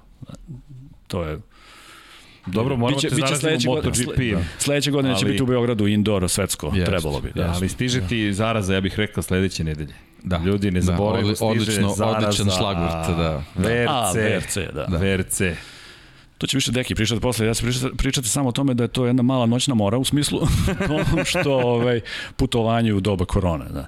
Protokoli. Poslao sam dekiju pre neki dan koji sam algoritam uh, učestvovanja na uopšte COVID protokola date kao algoritam, pa je nacrtana i hrvatska granica i sve, znači baš je slikovno napravljeno, znači ne veze sa Hrvatskom, nego generalno uopšte kako putovati, koje su restrikcije i tako dalje, ali na kraju shvatiš kad sam išao u Poljsku na atletiku, shvatiš da je to ne mogu oni baš to ni sve da ispoštuju. Nama su rekli da će nas testiraju svaki dan, na kraju nas nisu stigli, da testiraju svaki dan, nisu stigli jer nemaju kapaciteta da testiraju što nas, što atletičare i tako dalje. Znači to je ovaj, ali izazov će biti što nisam nikad slikao, malo sam, eto, kao štreb, dobar štreber, ovaj, malo googlao, proučavao, našao neke YouTube kanale, našao na deki u preporuku neke fotografe koji to slikaju. Sa Hrvatskom je problem što niko je ne zna. Sardiniju možeš i možda da nađeš tačke i možeš nekome da se obratiš, da ti pomogne, e, idi tu, slikaj to i tako dalje. A za Hrvatsku totalno nepoznanica, ne znaš ništa, gde su dobre slike i tako dalje kapiram da sa, sa VRC-om Deki će me ispraviti ako grešim, napraviti, znači logistika je najveći to je, izazov. To je izazov za, za svaki Ne možeš sve stage da slikaš. Formula 1 ti možeš stojiš na mesto, svi će proći 76 puta oko, oko tebe. A ovaj, ovde moraš da imaš strategiju i moraš da imaš i sreće pošto je nova staza, ne znaš gde su lepi ono, landscape-ovi, gde ćeš praviš razlinice, gde, ćeš da, gde će oni da skaču. Slušao sam ovog organizatora, on kaže da ima par mesta gde će oni da skaču jako daleko, to ću baš da saznam kad dođem tamo na nekim stazama gore iznad Sljemena, da će navodno da lete po nekoliko metara, jer ima kao neki hupsar. Eto, tu, tu ćemo se pozicionirati, ali tu zahtevenu fizičku spremu, koju sad, da li imam ili nemam, to ćemo da vidimo, možeš da ostaviš auto ne na početku i onda ideš peške da bi mogo posle da se izvučeš, jer tebe zanima, na, mene zanima samo prvih deset koji voze VRC, a ovi ostalih, koliko još ima 40-ak iza njih. Nije ni 10, po, po trenutnoj listi prijavljenih imaš osmoricu. Samo, aha. Pa da, da, koji aha. su baš onako VRC, koji su jako bitni. Ovo, pretpostavljam tu ćeš imati zahteve da, pa to je jedino, za, da. za agenciju, ovo ostalo liste naravno zanimljivi su svi zanimljivi za, su, da, svi za, za, gledanje, da. ali tebi je, tebi je ta, znači, ta neka koji se bore za VRC da, šampionat. Oni su, da. ti, oni su ti ključni i to je ono, ono što je, što je problem VRC-a, ovaj, generalno zašto tako atraktivan sport nije uh, dostigao popularnost medijsku pre svega da. u odnosno Formula 1, recimo i Moto Grand Prix upravo to oni dođu na, na specijalni ispit, prođu jednom pored tebe i nema 70 krugova. Da, da. On je jednom prošao i ti sad kad, kad završiš tih osmoricu, ti se pakuješ i pokušavaš da stigliš na, na drugi stage, da. ali ne stižeš na drugi, nego, nego na četvrt, verovatno treći, četvrti. na, da, e, to je, da. to je taj problem i sad tu je sad e, možda malo olakšavajuća okolnost vezana za ovaj COVID, sad se neki ispiti se ponavljaju, pa, da, se, da. pa će se pravi neki lupovi da, da, da. i onda ti možda u okviru tog lupa ćeš imati infield, da ga tako da. nazovemo, da. gde ćeš moći da nekim putevima stižeš do, do, do tih ispita, ali generalno to ranije nije bilo tako. Da, da. To su bili da, veliki da, problemi. Stage, da. Uh, ja sam bio ajde sad ovako da prošaramo neke različite tipove, bio sam na Kipru, to je znači neki relik kao akro, akropolis, znači to je neki makadam gde su stvari kamenčuge ovolike, to je potpuno drugačiji setup automobila i svega. Bio sam na Sardini gde je neka, neka mekana podloga, to je neki, neki kao makadam, ali više to je neka gomila prašine. I jako je lepo generalno za slikanje i ono što je stvarno meni vrhunac bio, bio sam u Finskoj. Mm, znači, na, na, ne, ne, ne, hiljadu jezera, znači to je, to je onaj čuveni letnji relik gde imaš ono, što se spomenuo, te skokovine skaču po 50-60 metara, gde voze ono 180 na sat kroz šumu i tako dalje. Mislim to je to je ono ono to je Monte Carlo, mislim. Da, da. To je to je taj taj nivo i generalno je tu najbolje organizovano bilo stići od od ispita do ispita pre svega zato što je publika izuzetno dis, disciplinovana i mi smo se vozili nekim Toyotinim šatlovima, oni kad vide taj, taj šatl, oni se svi ljudi sklanjaju s puta i mi smo jako brzo stizali do, do specijalnih ispita. Na Sardiniji veli, veliki problem bio zato što je to, mene, mene taj deo Sardinije recimo, kako bi to opisao, na primjer, podsjetilo me na Crnu Goru. I jako je teško, nemaš ti tu 14 nekih okolnih puteva kojima možeš da dođeš. Imaš jedan i, i njime idu svi i publika ide tuda. A na Sardiniji drugi put kad sam bio, mislim da je to drugi, tad, je, tad je Petar Komljenović vozio imali smo čak i predstavnika naših tamo, to je nekoj nižoj kategoriji, zbog toga smo želi da stignemo možda nekih malo više ispita, Zoran Živko i ja smo bili, imali smo neki iznajmljen automobil, jednostavno fizički nismo mogli da stignemo, možda smo bili na dva, na dva specijala u danu, Jednostavno ne možeš fizički da stigneš zato što je put nekim okolnim putevima vodi, s tim što je ranije bilo dok je bila publika, imao si neverovatnu opasnost da se desi da zbog prevelikog broja publike bude otkazan specijalac. Da, da. I ti sad dođeš do neke tačke i samo čuješ da specijala nema, rikverci ko prvi uhvati prazan put, stigo si neko drugo mesto, ako nisi gotovo. Tako da to su, to su ti neki ključni problemi. Sad će možda malo lakše biti, čuo sam da će postati neke tačke da će biti publika, što bi bilo super, ali ovaj, generalno mislim da, da, da će biti zatvoren, pa to možda možda bude olakšavajući okolnost, mada je bez veze. Generalno, da. ali šta da radim? Za sad da... protokol ne predviđa publiku. Za sad da li će se nešto promeniti s obzirom da i kod njih pa broj, pa, dobro, brojke ima... sad rastu. Da. da. oni su otkazali su onaj kako e, kako se to zove, e, što su trebali na Zagrebačkom vele sajmu super specijal. Super specijal da, da voze da. za publiku, to je otkazano definitivno. A da, to su generalno zbog toga i pravi. To je da, kao da. neki ispit spretnosti, u stvari se pravi zbog imaju, publike i zbog zbog TV prenosa. Imaju taj shakedown koji će da bude ovaj dan pre trke, to je gore negde na Sljemenu. I ovaj mi na primer nemamo pristup uopšte padoku i razdvoj, da, razdvojit će da. da imamo već dve grupe kao high density group i low density group, ne znam šta god to značilo, zna, uglavnom mi, mi smo ovaj low density group gde nećemo moći da budemo nigde blizu vozačima, niti bilo kome od timova, tako da će to malo biti bez veze, ali taj padok je zanimljiv za slikanje kao i svaki drugi sigurno. To će nam faliti. Ono što je zanimljivo, na primjer, bit će sad za slikanje to ćemo pokušati, pošto će biti još jedan kolega lokalni, da će njih da puštaju u, u redovan saobraćaj. Oni će do, do ovih brzinskih ispita da idu... Dobro, da, to, to, je, to je sastavni deo realija. Znači, Sastan... ceo itinerarac se sastoji od vožnje u saobraćaju i specijalnih ispita. Ako ih puste kroz neki deo grada koji ima neki background, može biti zanimljivo kako stoji na, na semaforu neko sa VRC. Pa da, stoji... to je, to je ono više neka ambientalna slika, da, to se da. generalno ne upražnjava, da, da, da, mislim, to ljudima nije, ni, da. recimo, bilo je, bila je zanimljiva fotografija, to je davno bilo dok je Sebastian Loeb još bio dok je vladao ovaj, čitavom pričom vezanom za, za, za VRC, ovaj, uh, imao je udes tokom specijalnog ispita i krenuo je kroz saobraćaj do sledećeg specijalnog ispita i, i to je u Britaniji bilo, policajac ga zustao isključuje saobraćaj, zašto je otpao točak bio. Znači nije dozvoljeno sa tri točka da, da. budeš u saobraćaju, bez obzira što je pogodno sa četiri točka, tako da, da ovaj, to se dešava. Znači on, oni, o, oni tokom vožnju saobraćaju moraju apsolutno da poštuju sve, sve da, da. propise. Da. I merit će im, ima i GPS uređaj, tako da. su rekli da će da im mere i tako je. Pr prekršaje sve Tako sve. da ovaj to je to je onako sastavni deo relija i to je onako isto jako lepo za ljude koji nisu u mogućnosti da da dođu do ovaj da specijalnih ispita, to sad neće biti da eto da ih vide u, na tim, u tim nekim vožnjama kroz saobraćaj. Što je što je super. Tako da, eto, Pogled ka meni. ali mi ćemo, da, da, ništa da pa ono, vreme, vreme da krenemo, eto, da, da najavimo taj, taj VRC, mislim, stvarno ogroman, to je ogroman događaj. događaj koji u ovom u regionu skoro, skoro nije bilo. Ukoliko ste u mogućnosti, da. iako su, nažalost, nove mere primenjene u Hrvatskoj, pogotovo u Zagrebu, koliko sam čuo od prijatelja iz, iz Hrvatske koji su planirali da idu na pozdrav inače za, za Zorana, koji je planirao da ide, da, da gleda reli, rekao da je sada još teža situacija iz te perspektive. Pre svega nam je žao, želimo da svogde u svetu ljudi pre svega budu zdravi, da, svi da svima bude dobro, a s druge strane, ukoliko ste mogućnosti obavezno to pogledajte, e, tužno je možda što ne možemo nužno da prenesemo koliko je velik taj događaj. Da, i velika je da šteta da zaista što, što, nema, što nema publike. Ja sam gotovo uveren da bi, da bi se, da je, da je normalna situacija, da bi i, i vidim da čini mi se, ali pričat ćemo o, o ovoj entry listi, mislim da bi vozači iz regiona ovaj, se pojavili tamo da, da postoji mogućnost da, da učestvuju, a da, da publika bude tu. Da.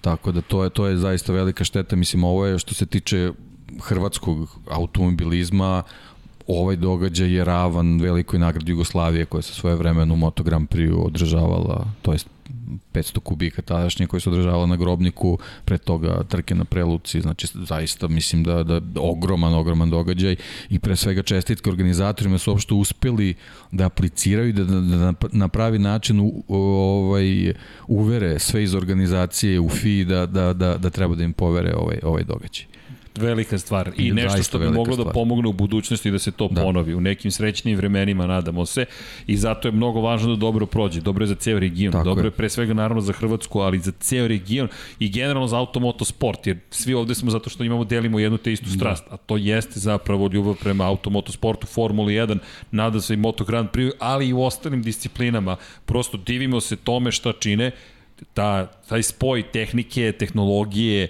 čoveka i istovremeno njihova hrabrost na, na granici ludosti u poteri za kojim ciljem? Da budeš najbrži na svetu fenomenalno, prosto inspiriše nas, makar inspiriše, pa mi volimo da to prenesemo dalje i, i zato je taj događaj toliko velik, to je bukvalno na, skoro pa na nivou toga da se pojavi Moto Grand Prix trka, to jest u svetu relija, to je to. Ne, ne, apsolutno. Stigla je Formula 1 je stigla. Apsolutno. Mislim, bukvalno. dovoljno je, dovoljno je reći da će među tim ljudima jedan Sebastian Ožije, čovek koji, koji je ikona, legenda, legenda reli, reli, reli, reli sporta e, sa, sa dostignućima ono, jednostavno o, svi su čuli za Sebastina Loeba da. koji je sad u tom nekom rangu Schumachera ili ne znam koga u, u nekoj drugoj priči Valentina Rossi, ali Sebastian Ožije jednostavno svojim vožnjama je apsolutno se našao u samom, samom vrhu o, e, o, najboljih reli vozača u istoriji. On se nalazi u toj grupi ti, te, te osmorice veličanstvene koji će se ovaj, pojaviti u, u, u Hrvatskoj. Znači imamo,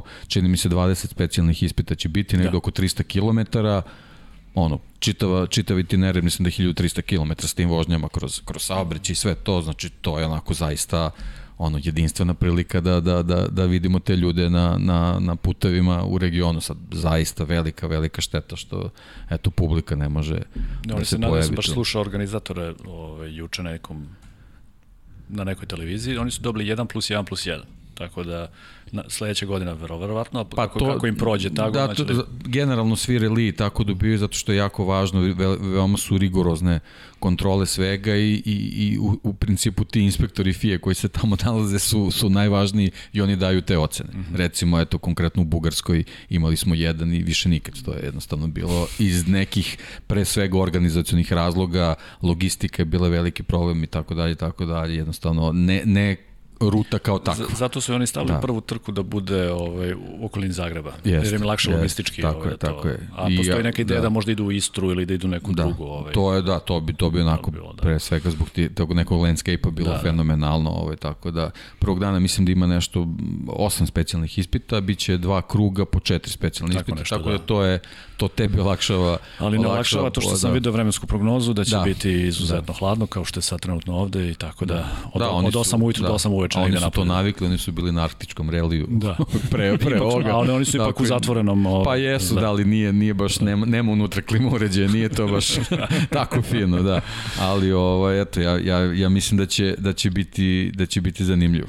Ja sam inače podelio sa tobom, oteo sam chat, Vanja, čisto da znaš, podelio sam tvoj Instagram profil, pa svi koji žele da hvala, da vide hvala. fotografije, ne, hvala tebi, zato što ti nama otkrivaš jedan neverovatan svet zapravo, pa eto ko želi da vidi zapravo šta, sve, šta ne baš sve, ali šta to Andrej radi i može iz jedne još bliže perspektive. To jeste sa druge strane lepota društvenih mreža, što imaš mogućnost da, da. vidiš jedan, neke neverovatne stvari koje su ranije bile mnogo teže za podeliti sa ostatkom sveta. Pa da, Instagram je postao stvarno platforma da je ovaj, da jako brzo podeliš neke svoje, ovaj, kao neke male razglednice sa tih putovanja Formule 1, naprimjer to ja radim i sa drugih sportova, a ovaj, naprimjer imam i website koji redko ko dolazi. Tu a ja ga isto ne, nešto ne posebno, jer ove, ove društvene mreže su Da, to je instant jednostavno. brže je to, sve da, da, i dobiješ da. nekakav feedback i tako da. da. Da, i kad nekog zapratiš što ti stiže, ne moraš da ideš da tražiš, to je sad da. taj neki komfor koji, Da, to je ta neka koje je donelo koja- ovo koja- novo koja je vreme, razvila, da, da, da, mi smo, mi smo to ono ranije nekako tražili i sve, ali dobro, eto, jednostavno, to su, to su ta vremena. Da iskoristimo još malo vreme za, za neka pitanja. Da. Da. Znamo da trajimo već dva sata i hvala ti na vremenu. brzo. Da, br, ba, brzo prođe nekako, Da. da. ali da znaš, to stalno ponavljamo ovde ko uđe, teško se izlazi iz, iz studija.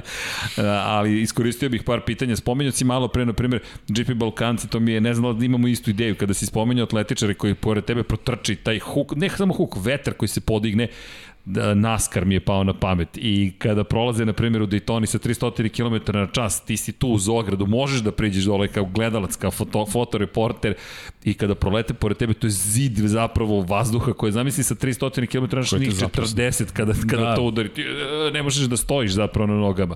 Ali da li te zanimaju drugi te forme automotosporta, na primjer, da kažeš, ok, volao bih da odem da vidim tako neke kultne 24 časa Lemana. Da, 24 časa Lemana i to je bila priča da mogu da odem, ali eto to sad sve opet ova godina nekako je Promenila se. promenila, da. Da. To je isto izazovi i za, i za, za slikanje, ovaj, 24 sata Izazov i za boravak tamo. Da, da, sve, ja sam, sve ja sam imao prilike ovaj, da budem tamo i tamo su svi isti. Infield oko staze, uh, ova mo, Grand Prix staza, ona se, ona se ne koristi, koristi se znači na velikan sart, onaj spoljni, spoljni krug, a Bugatti mala staza, to jest onaj, onaj Da. iza pravac u stvari put oko koga se nalaze motorhomovi i tako dalje i tako dalje, a mi kao akreditovani novinari koji kao znaš i sam kakav je to tretman, mi smo spavali bukvalno u kontejnerima. Da, da. I to je to je meni bilo fenomenalno pre svega zbog tog si. nekog do, doživlja ti si tu ti kao nešto ideš da spavaš oni celu noć zuje tu i, i meni ono uh, vezano iz ove naše ovaj ideje da, da, da oborimo rekord u, u dužini trajanja podcasta, da ga vežemo za, za trku Le Manu i da, da na, napravimo Između ostalog, neko ima raznih par ideja. sati kao uvoda pre, da trajimo tokom trke još par sati posle. El, poslušaj ovo, lične financije pitaju da li bi gost hteo da drži malu radionicu kako podesiti fotoaparat za razne cene. Taman tokom tih 37 časova. Da, da, da. Možemo napraviti Odvojit ćemo ti sat vremena workshopa za tebe. Da, Budeš da. nam gost, to jest celoj ekipi i, i Da donesem catering neki, da. pa ne, catering, vidi, može, nećemo se buniti za catering, ali ne, tvoje znanje i tvoje strast i energija, to je ono što, što je najlepše. Zato kad nam dođu gosti, toliko smo srećni, jer to što ti podeliš sa nama je nevjerovatan svet za koji ja se nadam da sada mnogo i više ljudi zna. I to je ono što je takođe lepota te cele priče, koliko ljudi zapravo sa ovih prostora postoji u nekom svetu automotosporta koji mi svi toliko volimo i to je nešto što smo mi sebi dali za pravo kroz Lab 76 zapravo da stvorimo jednu zajednicu koja deli tu strast. I ti si deo te zajednice, hteo ili ne hteo, pa evo, ti slušaš nas, tako da, a sada si i youtuber, da, da. da čisto da znaš, podcaster, kako god. Sve to. Ušao si u taj svet, tako da... Samo da ne postane influencer još. vidi, Pa vidi, već jesi. Vidi, već jesi. jesi. već jesi. Na svoj način već jesi, ali to, to, ta, to, to je upravo... Tako da hvala tebi zapravo što otvaraš taj svet praktično prema... Tu priče prema nema kraja, stvarno ovaj, t- t- bilo bi lepo da još neko od mojih kolega tu koji koji ovaj deli to sa mnom na terenu može još da jedni drugi Da, bi nismo, dopunjavali. nismo n- njih ni spomenuli. Generalno, dosta ljudi s ovih prostora radi za, za svetske agencije. Ove, to ljudi ne, ne znam koliko i znaju. Da, za, za, dobro, za svetske agencije ne samo motosporta, nego gen, Generalno, generalno, generalno, da, da, da, generalno. pa da, mi- mislim, imamo, em ovde u, u Beogradu imamo znači zastupljene sve sve ove svetske agen, novinske agencije. Digresija znači da mi znamo šta su novinske agencije, znaju, ali ima sad stvarno novije generacije koje ne znaju šta je Associated Press, Reuters su još tamo čuli, AP, AFP to vrlo često i pobrkaju, France Press, aha, nemaju tek pojma šta je. Ovaj, ali ima ima u ovom regionu znači izuzetnih fotografa koji su ovaj stvarno napravili ono svetske karijere u, u tom news izveštavanju Goran Tomašević koji radi za Reuters koji je ono dobitnik, dobitnik i, i Pulicera i World Pressa i izuzetan jedan ratni fotograf koje čije su slike menjala mišljenja o, o, o situaciji nekoj koja se dešava, znači čovjek bavi vjerojatno fotografijom i išao i, i, u, si, u, i dan danas se bavi, ne samo ratom, nego uopšte nekim teškim pričama i u Siriji je bio, u Africi. I njegove priče, on kad bi došao samo da priča, to nije vaš domen, odo, on kad bi došao da priča... Sve je naš domen. Goran Tomašić koji priča da je malariju preležao tri puta, na primjer, ili tako. Kako se izgleda pripremiti ići na neki marš u Kongu sa pobunjenicima, znaš, ne radi nemaš tu ni GPS, nemaš, mislim, imaš GPS, ali nemaš telefon, nemaš ovo, nemaš, razne neke priče neverovatne, a Goran Tomašević izgleda kao čovjek tu iz kraja, sasvim jedan običan tip koji je ovako na, na izgled, ali stvarno jedna riznica znanja, o, o, o, o svetu koji, a koji ljudi malo znaju kako to izgleda. On vide slike, vide, vide news neki kao što vide i Hamilton je pobedio trci Formuli 1. A šta je sve bilo iza do, do toga, eto priča Goran Tomašić kad je u ratu, pitanje, to ja, pitanje ja mogu da pričam o tome kad je Formula 1, vas dvojica i drugi kolege koji ovaj, I to, drago mi da postoje ljudi koji su zainteresovani da čuju te, te priče. Ja kad sam s Dekijem pričao koji mi je pitao hoćeš da budeš pod šta ja mogu da budem gost podcasta, pa šta ja mogu zanimljivo da vam pričam. Mnogo toga. Znači ja stvarno ne vidim jer nije sad da zvuči možda pretencijozno, ali zaista me, to ispunjava mene taj, taj rad i mi između sebe to delimo, to društvo s kojim se ja družim na tim trkama, mi to između sebe mi to podrazumevamo da je tako, ali očigledno da ljudima sa strane to deluje onako ne, neću kažem neverovatno, ali Ali neverovatno je stvar, jedna stvar je neverovatno, ona pres kartica koju dobiješ tamo, to ni šejk ne može da plati koji ti imaš mislim njega šejka ne zanima da se cima baš nešto mnogo, ali taj pristup koji ti imaš Formuli 1, tada sa tom Ta akreditacija, akreditacijom da. i onim tabardom, ovim tabardom je, ne može se kupi. I ako se stvarno i voliš i da fotografišeš i voliš taj, taj sport ili voliš sport generalno, to je taj pristup je stvarno ono neprocenjiv. Tako da ne znam što bi vam ovaj još rekao. A mislim da je to ta prava a, spo, emocija. A, a spomenuli smo da kolegi tam balkanska grupa, da ne, možda jako mafija reći, ali tako su nas i prozvali. Ovaj, žao mi što tu sliku sa nemamo da, ovde, znači da. to je naš drugar Zoki, Zoki Živkov, koji isto on je na riznica znanja, on uh, kad se ovaj, na sta, nađemo no. na stazi, znači on voli da fotografiše, ide i on se voli po padoku, on zna. On pre svega voli Formulu 1. To on voli motosport, da, on da, voli sve da. to, voli Formulu 1, da, ali njegov pristup fotografije moj, znači nađemo se negde na nekoj na nekom delu staze, ja jurim neke kadrove, nešto tu panujem, nešto, pokušam neke boje, spajam ovo, ono. On kao, si vidio kako gore kočnice kod ovoga ovde? Koje, brate, kočnice? Šta ti gledaš? Znači, pa vidi ova krilca ovde, ovakva, onakva. I sad sam baš i, i poslednje slike sa Insta, na, koje sam stavio na Instagram iz Bahreina, baš sam uradio čisto jednu sliku sa strane bolide. Ja sam bio dušen sa ovim novim hiljadu krilaca koji ima tamo, ali to sad neko kao Zoki, on tačno zna da me objasni šta tu čemu Tako služi. Da.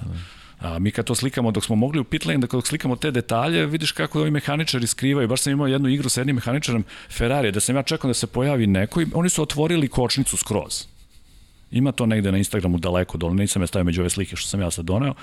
To je neverovatno šta u jednoj kočnici, ja znam kočnicu, vozio sam Juga 17 godina, znam šta je kočnica, ono, disk i dva pakna i to je to.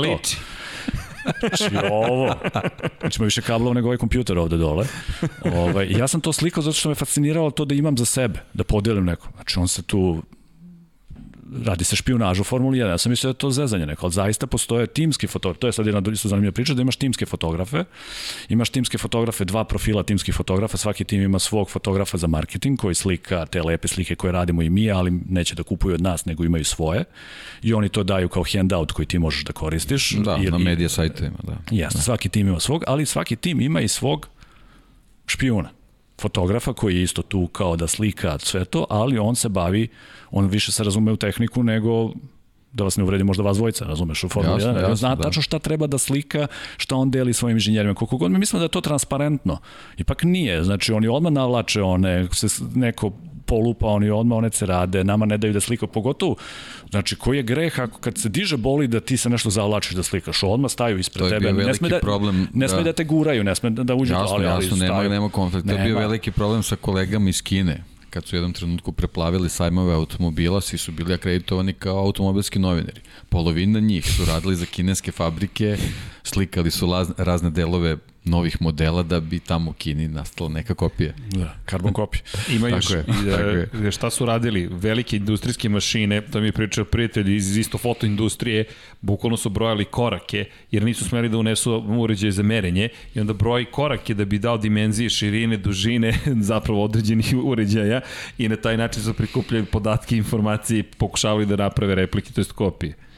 Tako da evo, to, ta špionaža postoji u Formuli 1. U MotoGP je to bilo uh, fascinantno, prvi put da sam video baš mirrorless u takvoj primjeni gde on, telo je jel te ovo licko i takav jedan top teleobjektiv kod e, čoveka iz Repsol Honda koji tako nonšalantno šeta tokom testiranja da, da. u ponedeljak, a na kuku mu je pejzaž. ovoliki top, bukvalno. Ne, ne, i onda bez ikakve sramote kada je Maha pre dve godine izbacila novu verziju u Brnu, samo ako stao pored garaže koje su bile prve, to je bila fabrička Yamaha, sačekao da uđe, ja mislim da je Rossi došao u tom trenutku i lepo usmjerio svoj top unutra. I da, ne čuje se. I ne čuje se, da. Ne, to, to je super kod Mirrorlessa, ti kod da, ne, ne, zato što on drugačije funkcioniše. Jednostavno. I ti ne izazivaš pažnju, ja s ovim kad počnem da slikam, to je ono kao ko je repetirao da, da, da, da.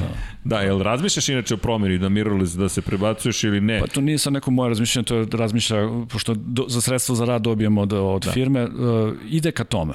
Ja, mi imamo već, ja imam jedan fotoaparat koji je mirrorless, koji sam pokušao da koristim na Formuli 1, Uh, nije to još, to je, Sony je to dosta napredovao, nisam probao, ali vidim iz priče i, i, ovaj, i ono što čitam. Uh, A ovaj, ovaj je zgodan za, za godine u kojima sam da ne možeš da klekneš skroz, nego možeš okrenuš ogledalce i zato je ovaj, dobar da možeš donji rakurs jako lepo da slikaš. Tako da ima, ima svoje prednosti. Ima svoje prednosti, da. Ali nije za panovanje, nije za brzo još uvijek, ali ide ka tome Nikon iz, treba da, da izbaci neki Nikon Z, Z9, Z9 koji će biti kompletno mirrorless i možda će biti za olimpijadu, za testiranje, nemam pojma to. Možda ćemo mi to dobiti, pošto smo Nikonovi ambasadori kao firma, možda ćemo dobiti to da testiramo. Tako da vidjet ćemo. Dobro, to je neka druga vrsta bitke. Mirrorless je super isto za, za težinu. Za težinu. A da. da. ali opet kad staviš veliki, kad staviš ozbiljan objektiv, opet cela priča pada. Da, da, kilaža da, se vrati da, vrlo brzo. Da. pa... A ne može bez ozbiljnog objektiva da se to snima, tako da, da se slika još uvek. Da, to ćemo na onih 37 časova da pričamo o konkretno objektivima. No, da se vratimo na pitanja. Deki, dao sam i tvoj Instagram da te spamuju pitanjima. Rekli su da ne mogu paju večeras, tako da tvoj da. Instagram je tu glavni. E sad, da vidimo... Da, stiglo su ovde neka pitanja već. Uh, koliko pitanja. Da li bi gost, to smo rekli. E, da li da stane pred uzok Kazanovu, da, ovo ti je od Miroslava Cvetića da staneš, to je čuvene krivine u muđelu Kazanova sa Veli, da napraviš par fotki kada ih je 10 u jednoj sekundi. To je spuštanje ovako to je motogram pri. To je jedno od najboljih krivina ikada. I ono što je fenomenalno Kazanova sa Veli, ugao pod kojim obore motocikl gore da. na vrhu brda i onda menjaju taj ugao u suprotnu stranu i onda na ulasku u Arabijatu jedan ponovo se vraćaju na ovu stranu. To je niz, to je, to je, to je prosto ples. Isto to su pokreti koje možda mogu da se vidi u, i u Vadiče, u Laguna Seki, ali je zaista jedno od briljantnih pozicije zapravo za fotografisanje. Rosijeva tribina je iznad tu odmah, Kazanova sa veli, pa od ozgo kad gledaš dobiješ jedan zaista nevratan pogled, a gore levo je drugi deo staze. Impresivno. Ne, moramo da te navučemo na Moto Pa ne, nema to problem. Da. to, to nije problem to, nego samo da možemo pokrenemo ponovo da, da, da putujemo da, normalno. Da, i, da, tako, I da bude publike. Znači, ja mislim za MotoGP da, da je presudno da imaš neke navijače, da imaš neku publiku. Ja mislim. Da, pa i, da. I Monca ove godine, ne znam, bez publike, da li će to biti zanimljivo, ne znam. Da, evo velika je šteta, sad imamo trku Portimao u Portugalu, vidi se špaliri koji dočekuju lokalnog heroja Oliveiru, da, da nemamo mogućnost jednostavno da, da, da imamo stazu sa 100.000 gledalaca, to je baš šteta, ali oni, oni pokazuju da bi zaista tako bilo. Da. Ali jednostavno, eto, nadamo se da će ova situacija što pre da prođe, to je ono da, što te, možemo. Da, da, 2022. Pričali smo 2021. Znali smo da nije baš realno, ali držimo palčeve. Ali da, dobro, to je bilo pitanje. Da se vratimo opet komentarima i pitanjima gledalaca. Zatim, šta imamo? Koji event ili sport bi volio da radiš za koje do sada nisi imao prilike? Da li imaš nešto što ti baš onako bucket list, pa da kažeš? Zate, zatekli ste me, pa nemam. Nema, ne brini. Da. Pa ne, ne Svemirska znam. istraživanja, pa, MotoGP, to je to. To je neka reportaža tipa Bajkonura i to, Uš. to je, to je zanimljivo. Da, inače da, da Andri nije sportski fotograf nisam, generalno da. po vokaciji, da to, nisam, to nismo, da, nismo generalno, da, nismo potencirali. Da. da, sad je, da. sad je to. I to i slabo da. radim sport u regionu, nažalost nemamo neko kvalitetno sport, mislim, bez uvrede, stvarno, ovaj, nemamo. Izvini malo da ti približimo, Evo, ja ću se moramo to, Vanja me upozorava. Ovaj, nažalost nemamo neki Hvala, tako vr, vrhunski ovaj sport pa se Da. ovaj koncentrišem više to jest tako takvo je zahtev e, tržišta da se bavim međunarodnim sportom. Bilo je ono, radili smo Euroligu dok je, iz nekog razloga smo prestali da pratimo Euroligu zato što vidimo da naši klijenti ne koriste to. A i postoje uh, klubski fotografi koji te slike daju za, za džabe. Da. I onda, da. ok, ja sam ovde na plati, nije im problem, ali u nekom drugom mestu moraju da angažuju eksterno. Ako pratiš sez, e, ideja, ako pratiš sezonu, onda pratiš kompletno. Pa da, ali eto, iz te perspektive je toliko značajno ovaj reli u Hrvatskoj, ti, osim recimo te atletike koja je bila u Beogradu, neki veliki, pa, baš veliki sportski događaj nisi imao, Da, a posebno ne nešto uvezano u nekim ligama da se to kon, kon, konstantno ponavlja, naprimjer možda eventualno Zvezda, Liga šampiona, Dinamo, to je to. Dobro da bila je ova, Da. da. Liga Evrope Zvezda što je Pa malo to, igrala da, i da, to, da. da. da. Ove, ali evo, bit će sad ovaj ATP 250, ali ATP 250, dobro, Đoković je vest, da. naravno, kad god je Đoković ovde, to je uvek fokus ovaj, svih medija, naravno. Ovaj, bavimo, mislim, mi, uh, kao agencija radimo pričice sad, ovaj, tražimo ideje, baš pričao za nekim ideje da. za olimpijske igre, tražimo naše sportiste koji će učestvovati na olimpijskim igrama, pa ćemo pravimo reportaže, radit ćemo i regionalno to. Ove, Išli smo mi u Donju Lokošnicu, radili smo mi reportaži iz Donje Lokošnice. Šta smo tamo Sećaš slikali? Da, slikali smo Pa- auto. papriku, da. papriku. Papriku smo slikali, Tako da. je, smo tako je. da, da. Da. To sam, to, to, to, da, da, to Da, tražimo te egzotike, da. Da, da, te egzotike. Da. Ima, ima, Automobil bio usput. ono. Da, da, ima, ima tu što što lepo da se slika, da, mislim, ali sad da imam nešto što, što ti kažeš bucket list, ne bi nešto mm, malo sam sad je postao ono dementan, baš se ne sjećam sad šta bi, ima sigurno nešto, ali za sad sam jako zadovoljan s ovim što radim. A čime bi se bavio da nisi fotograf? Vjerojatno bio programer, koder, kako se to zove danas. Nema, geek je geek. da. Ovde samo geekovi Vjerovatno ulaze. bi to bio, da. Sjajno. I da, koliko godina je neophodno da dođeš do toga da budeš fotograf Formule 1? Pretpostavljam Pa to je sad, rada.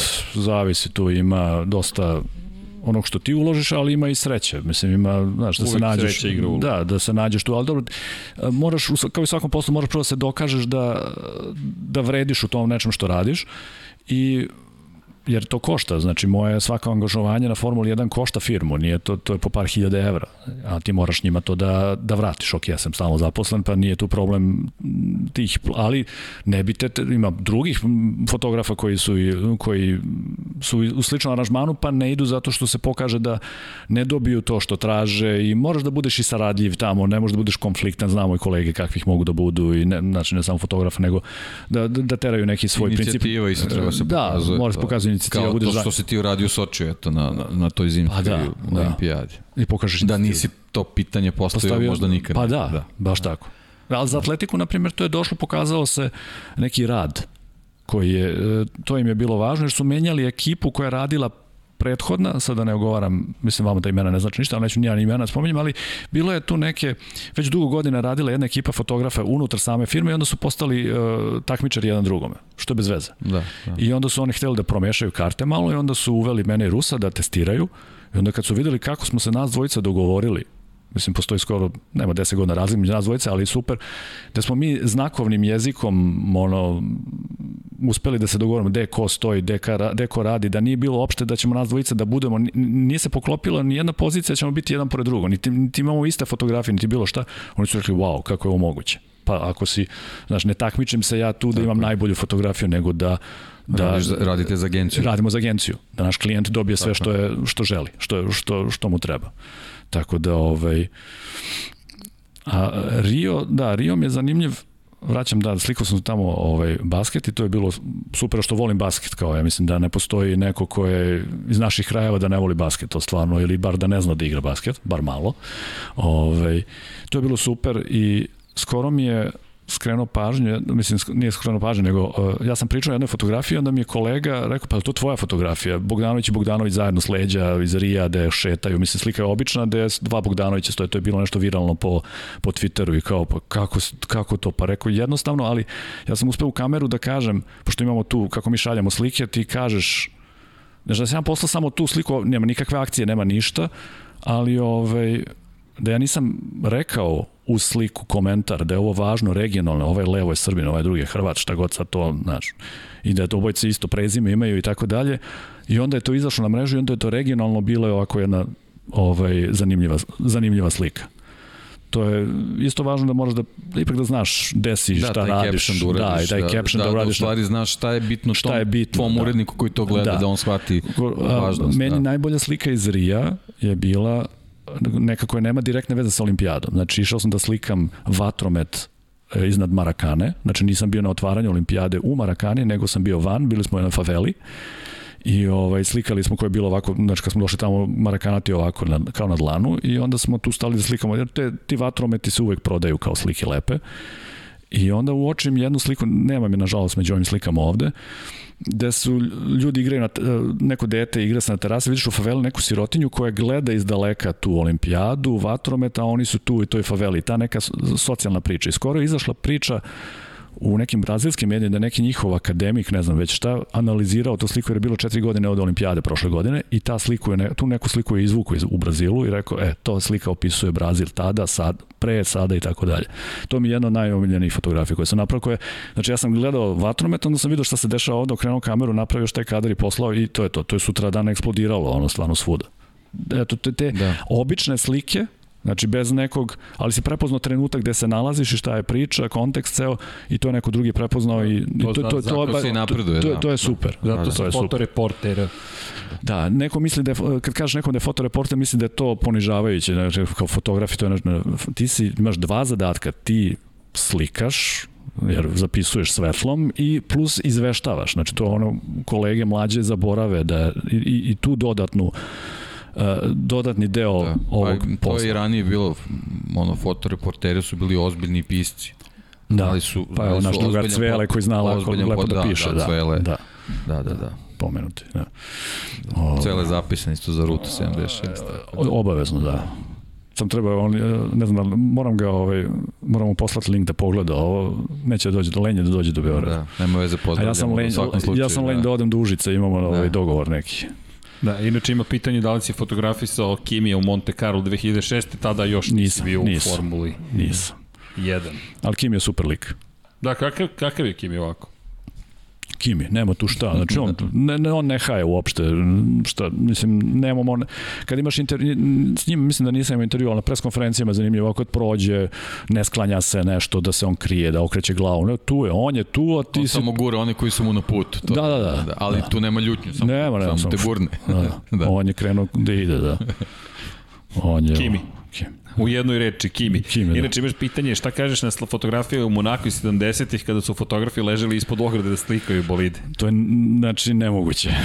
nemoguće sada, da, to je neverovatno. Mislim, pri tom imaš film koji ima toliko, 36, toliko snimaka. Ili već koliko je tad Ali on sigurno imali jednu lepu sliku tu da se vidi onaj hotel tu da. i, i sve nema onih žica koje nama danas smetaju, ali koje su tu da te štite. Baš sam o, Ercegu rekao na početku da šta možeš da pokupiš sa, sa trke Formule 1. to je kolega, kolega Hvala, Vanja. Jeste. Ipak se leži. Fali samo tu, to je slika na telefonu. A i Silverstone je tu. Silverstone, da. Luka Bruno iz Associated Press, italijan malo lego da odmori, ovaj, ali ne znam da li bila neka, ovde nema, sad tražim da li ima i formula da, prola, da, da prolazi u tom trenutku. Ove, ovo znači, zabranjeno me da, da u pit lane da, da, da ležimo, znači ne, ne smeš, bez, ima logike, yes, znači možda yes. budeš u čučnju da možda poskočiš u svakom trenutku ako se nešto desi, da ne smeš da ležiš, ali su lepi ti uglovi kad legneš skroz yes, dole sa kamerom. Rakurs, da, neki, da, da, da, jako lepo.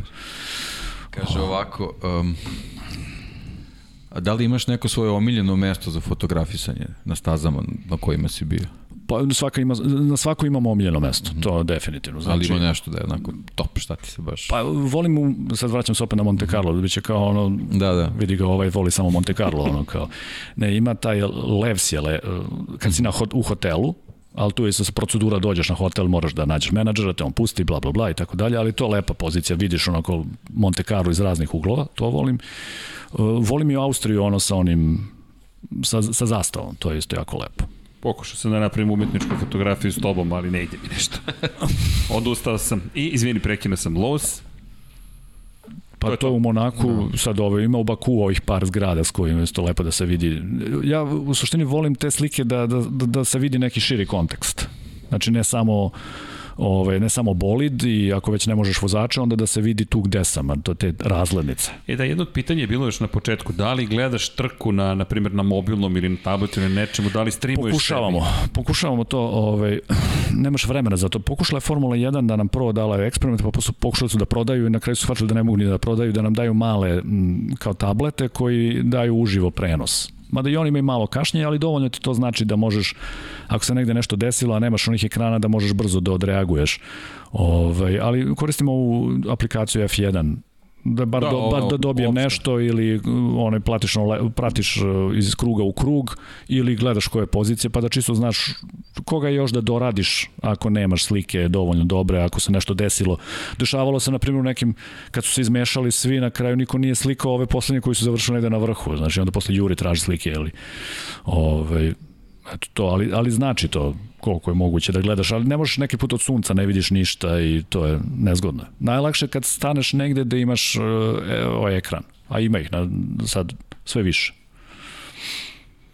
I to su oni što smetaju da se vide neke stvari, ali pomažu ali stave, sta, stave na pogrešno mesto. Ne znam zašto su stavili baš ispred on ima i sad tri, ima tribina naspram uh, kazina u, u Monte Carlo.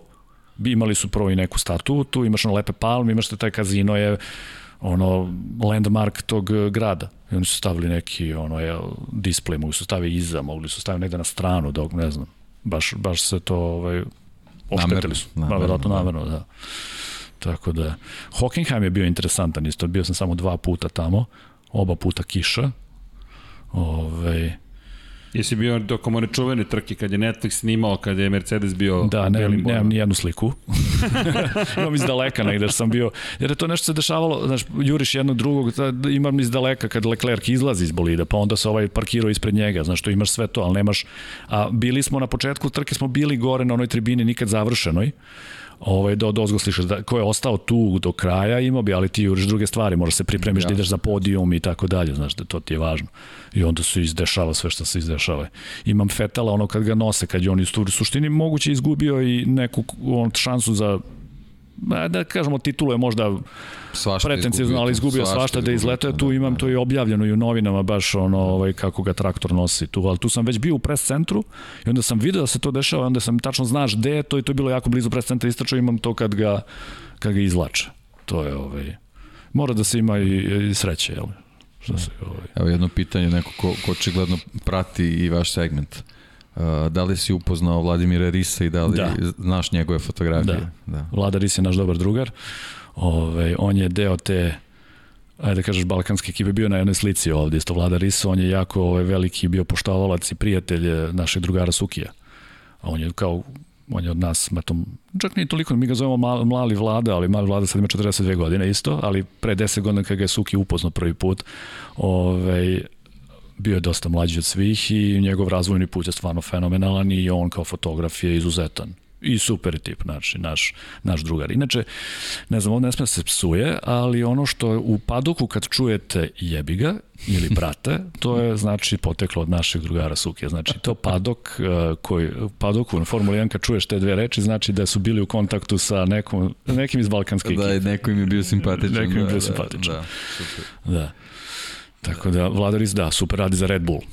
Da, da da, radi skroz za neke druge da, priče, da, da, radi da, da. i da trebao bi da dođe u Beograd, valjda, sledeće godine. Da. Evo sad jedno pitanje ovako, generalno, verovatno i za sve nas. Kako gost vidi budućnost VRC-a sa hibridnom tehnologijom? Sad idemo na VRC. Daleko od sledeće, od sledeće godine kreću sa, sa hibridnom tehnologijom i dobra je stvar što su sad trenutni učesnici potpisali ugovor da ostaju još sledeće tri godine, tako da ćemo imati mm -hmm. od sledeće godine znači neke varijante kao što ima u Formuli 1 ili u trkama izdržljivosti Pa eto, čisto kako, kako uopšte gledaš tu ovaj, taj odlazak sa, sa motora sa unutrašnjima sagorevanjem, ne neko priključivanje novih tehnologija, električni automobili i tako dalje?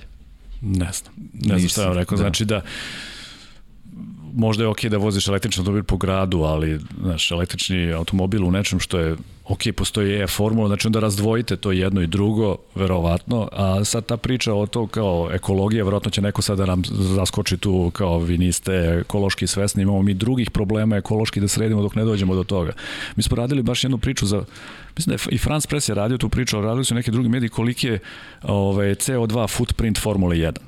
Znači, automobili su ispod jednog posto Znači sami automobili Formula 1, avioni, transport, sve to, to je kad to, to agregati u agregati u, Bahreinu koji ono hlade na minus 16, ono sve tamo, znači to to zagađuje. A sad ti onda kao štediš na tome što ćeš da staviš Mercedes električni. I koliko je trebalo još, šta, koliko, ako čisto puniš na struju, koliko ti treba da utrošiš uglja ili već nečeg drugog Jest, da, jest. da proizvedeš tu struju. Stvarno to ne vidim neku. Znači, i, I zaista velika razlika u Formuli 1 kad čuješ Formulu 1 ova koja zuji i kad izađe F2 koji puca. Znači stvarno je to jedan poseban doživljaj. I ima priča mog drugara Darka koji radi za Associated Press koji je pre i pa sad 10-15 godina išao prvu trku u Mađarsku. Mađarska uvijek nezgodna zato što pada u sred leta i tamo je jako vruće i stvarno je teško za rad. On je prethodno veče bio sa drugarima malo, ovaj, malo se popilo. Nije otišao baš sasvim iščišćen sutra dana stazu i vrlo iskusno ga je stari kolega poslao u pit lane. Znači nije izdržao ni 30 kakvih 30 minuta je mnogo. Da. Znači slošilo mu se da. od vibracija koje je osetio, koje su samo pomogle. Pa, ja sam, da, moja, je... moja prva trka je sadržala V12 motor.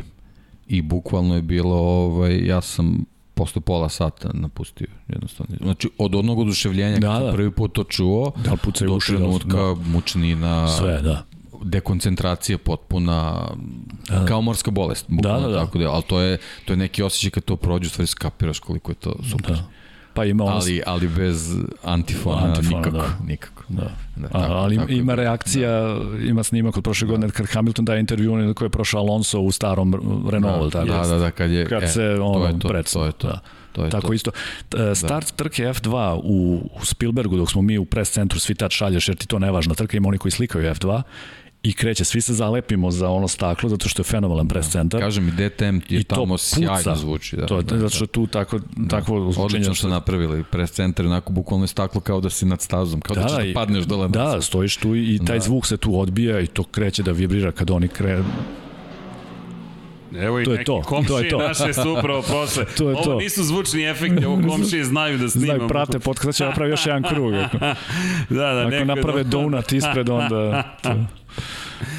A, da, pa ne, što se tiče te hibridne tehnologije u, u, u VRC-u, mislim, ja, ja, ja se nadam da je ono tu samo da se poprave performanse automobila u smislu neki, neki dodatnih ubrzanja, neke veće snage, koje sad negde na nekih 380, tako recimo 400 konja ove, vezano za, za ove aktuelne, o, aktuelne motore i da će to jednostavno po, poboljšati tu, tu ovaj, situaciju. Mene samo tu malo brine ta, ta generalno kad se krene u, u analizu troškova, neki udesi, nešto, mislim to je jako skupa tehnologija koja treba da, da se nekad se desi recimo automobili na shakedownu se utotale od, od, od udesa i oni bukvalno imaju mogućnost da ih pripreme za, za nastavak trke, sad, ima, sad imaju i varijante da u slučaju ako jednog dana odustanu mogu da pripreme automobil da, da nastave sa tim tehnologijama, to sve mnogo komplikuje, poskupljuje, a i onako malo proizvođača imamo. Mi praktično tu imamo Toyota i Hyundai kao zvanične fabričke uh, proizvođače u, u, u VRC-u, imamo M Sport koji u stvari zastupa Ford. Uh,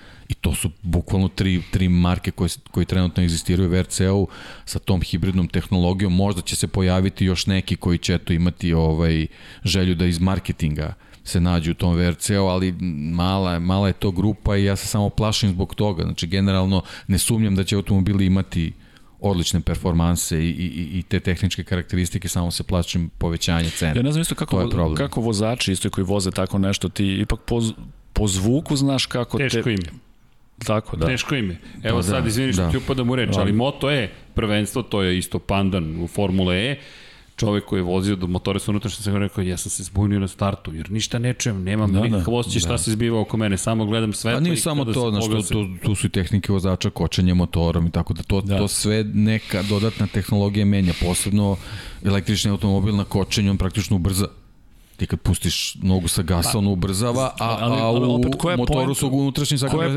sagorevanjem koče motoru. Ali, ali, pazi, ali uh, zapravo ubrzava u prvim krug, uh, šta je tu zapravo poenta? U prvim krugovima ubrza zašto? Ima kočenje kada pustiš gas zato što se generiše struje i onda zapravo elektrogenerator, pošto je elektromotor elektrogenerator, kada generiše struju on tu sporava i to te ozbiljno sporava. Čak su na Tesli posle prvog update morali da uključe kada pustiš gas odmah se pali stop svetlo. Ali, Na početku trke ti je puna baterija i samim tim kada pustiš gas nema šta da nema gde da se smesti ta energija i e, tako zapravo je, se ne pali generator uopšte. Ti pustiš gas i ti i dalje ideš istom brzinom pa i to, to je onda upravo, zbunjujuće. Upravo to, to zbunjuje, mislim dobro, to je sad stvar prilagođavanja, jednostavno to su te neke stvari koje malo tu nek, ne, neku tradiciju na koju smo mi navikli. Ali ne znam, ovaj, je ne znam potrebno. šta, je, šta je poruka time što ćeš u te neke sporte uvesti elektromotor. Znači, ok da ih imaš u gradovima i da ih imaš u, kome, u, u putničkim automobilima, ali ovo je Meni, samo, meni se samo ne sviđa taj, taj, ta neka uh, kontra, kontra način kako se ti sistemi i tehnologije uvode u automotosport, jer, jer automobilski sport je nekad služio da se tu predstavljaju nove tehnologije. Da. A oni sad tehnologije koje postoje u, u, u, u standardnim serijskim automobilima prebacuju sport kao da bi dobili performanse. Ne znam kakva je poruka, eto, to, to mi je ono, ali kažem, ne sumnjam da će, vozači su već sada oduševljeni ovim ovim VRC automobilima, podsjećaju ih na, na, na staru, mm -hmm. staru grupu B koju smo imali nekada. Ovaj, oni Čuvena su, grupa da, B. čuvena grupa B i oni su stvarno oduševljeni ovim automobilima. Ja verujem da će ovo u smislu tog nekog ubrzanja i, i tih nekih karakteristika doneti poboljšanje, ali plašim se ako cena krene na gore da, da, da, da mo, mo, mogu da izazovu problem, ali eto, nadam se da, da neće. Tako da eto, to Odo je- smo mi to na je, da. diskusiju o automotosportu generalno, da. ali to je lepota, opet kažemo, ko uđe u studiju teško izlazi. No, e, do 2 sata i 40 minuta kasnije hoćemo polako da se pozdravljamo. Imamo još neko možda zanimljivo pitanje, ali da pustimo Andreja. Pa evo samo još je jedno pitanje čovek. za Andreja, čisto da ispušujemo i Aleksandra. Uh, Da li poznaš kolegu iz uh, kolegu Formula 1 fotograf Kim Milman iz Austrije? Australije. Australije, da, da. Da, eto, Upo, imao sam prilike da ga upoznam, da. Super. da. Da, ovo su neki ljudi koji prate, Koji prate, i da. fotografiju, tako da, Da, super, njegovu super, priču kompletno ne znam, on je neki ovaj, eh, zaljubljenik u autosport, on je na neki način sebi kupio taj ulaz, eh, on se izaš, u- ušao u to iz neke druge priče, da li iz, iz IT sektora nešto čovjek ima svoje, svoje, svoje pare i to je njegov hobi koji on razvija sad isto kao neki dodatni biznis, tako sam ja to shvatio i ovaj, interesantno, on radi razne neke priče, radi podcaste isto i tako, on to, znači on radi za, za sebe, da, za svoj brend. Super. Ništa. Da, Mislim da ima, imam im, od nove ideje se rađaju upravo. A polako ali sigurno. Andrej, šta da ti kažem nego hvala. Hvala Deki, puno. nešto zaboravili, sigurno jesmo, ima milion nekih zanimljivih priča. Pa nismo, možda, možda još smo trebali malo više ovaj VRC-u da, da posvetimo pažnju, ali imate vi, ovaj, bit će podcasta i sledeće nedelje, tako da nije, nije da. nikakav problem. Imamo Ti ćeš utorak, biti imamo, tu, ja bih imamo rekao. i u sredu, Imamo bit ću ja tu. mislim da ćeš biti tu, Biće da. i kosmosa, svašta Ako, će ako nešto ga ne biti. ubedim da ide sa mnom za Zagreb. Da, da, da, postoji ta opcija. Postoji ta O, opcija, da. deki, saznajemo ovako javno za ovu situaciju. Ups.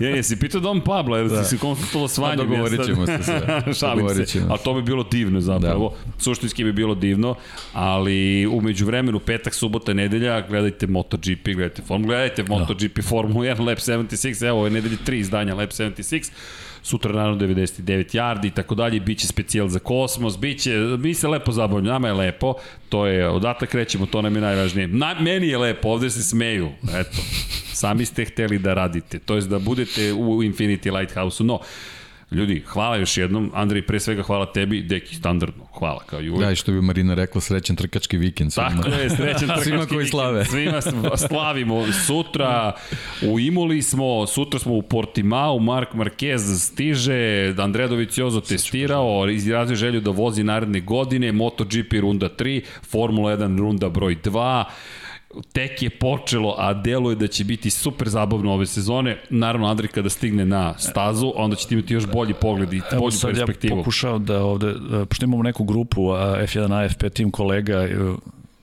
moram, pošto nešto i na francuskom koji moram da kroz Google Translate, Ove, nešto se dešava ove, što se tiče pula u, kolega je u Imoli pa evo, razmenjuje neke poruke tako da moram posle to pogledam to je stizalo ovde dok smo mi ovaj, Sve se sprema, show se Da, sprema. jer prošle, prošle godine, to samo da dodam, znači nisam slikao, ali sam radio sve trke od kuće. Tako što sam ja e, gledao tuđe slike. To je isto jedno novo iskustvo skroz. I tačno znaš, one staze koje si bio, tačno znaš šta očekuješ od koga i kakve slike tražiš, tako sugerišeš i onda te slike edituješ i šalješ klijentima. To bio sam uvezan za Formulu 1 na taj način. I slušajući ovaj, vas na SK, da. Da. Da. Super. Hvala, šta drugo da kažem i nadam se da i ti nama pomažeš da budemo bolji, ali veruj mi sad ćemo ti spamovati kada odeš na trke. Andrej, šta se događa? Ja se nadam da je sledeća Monako.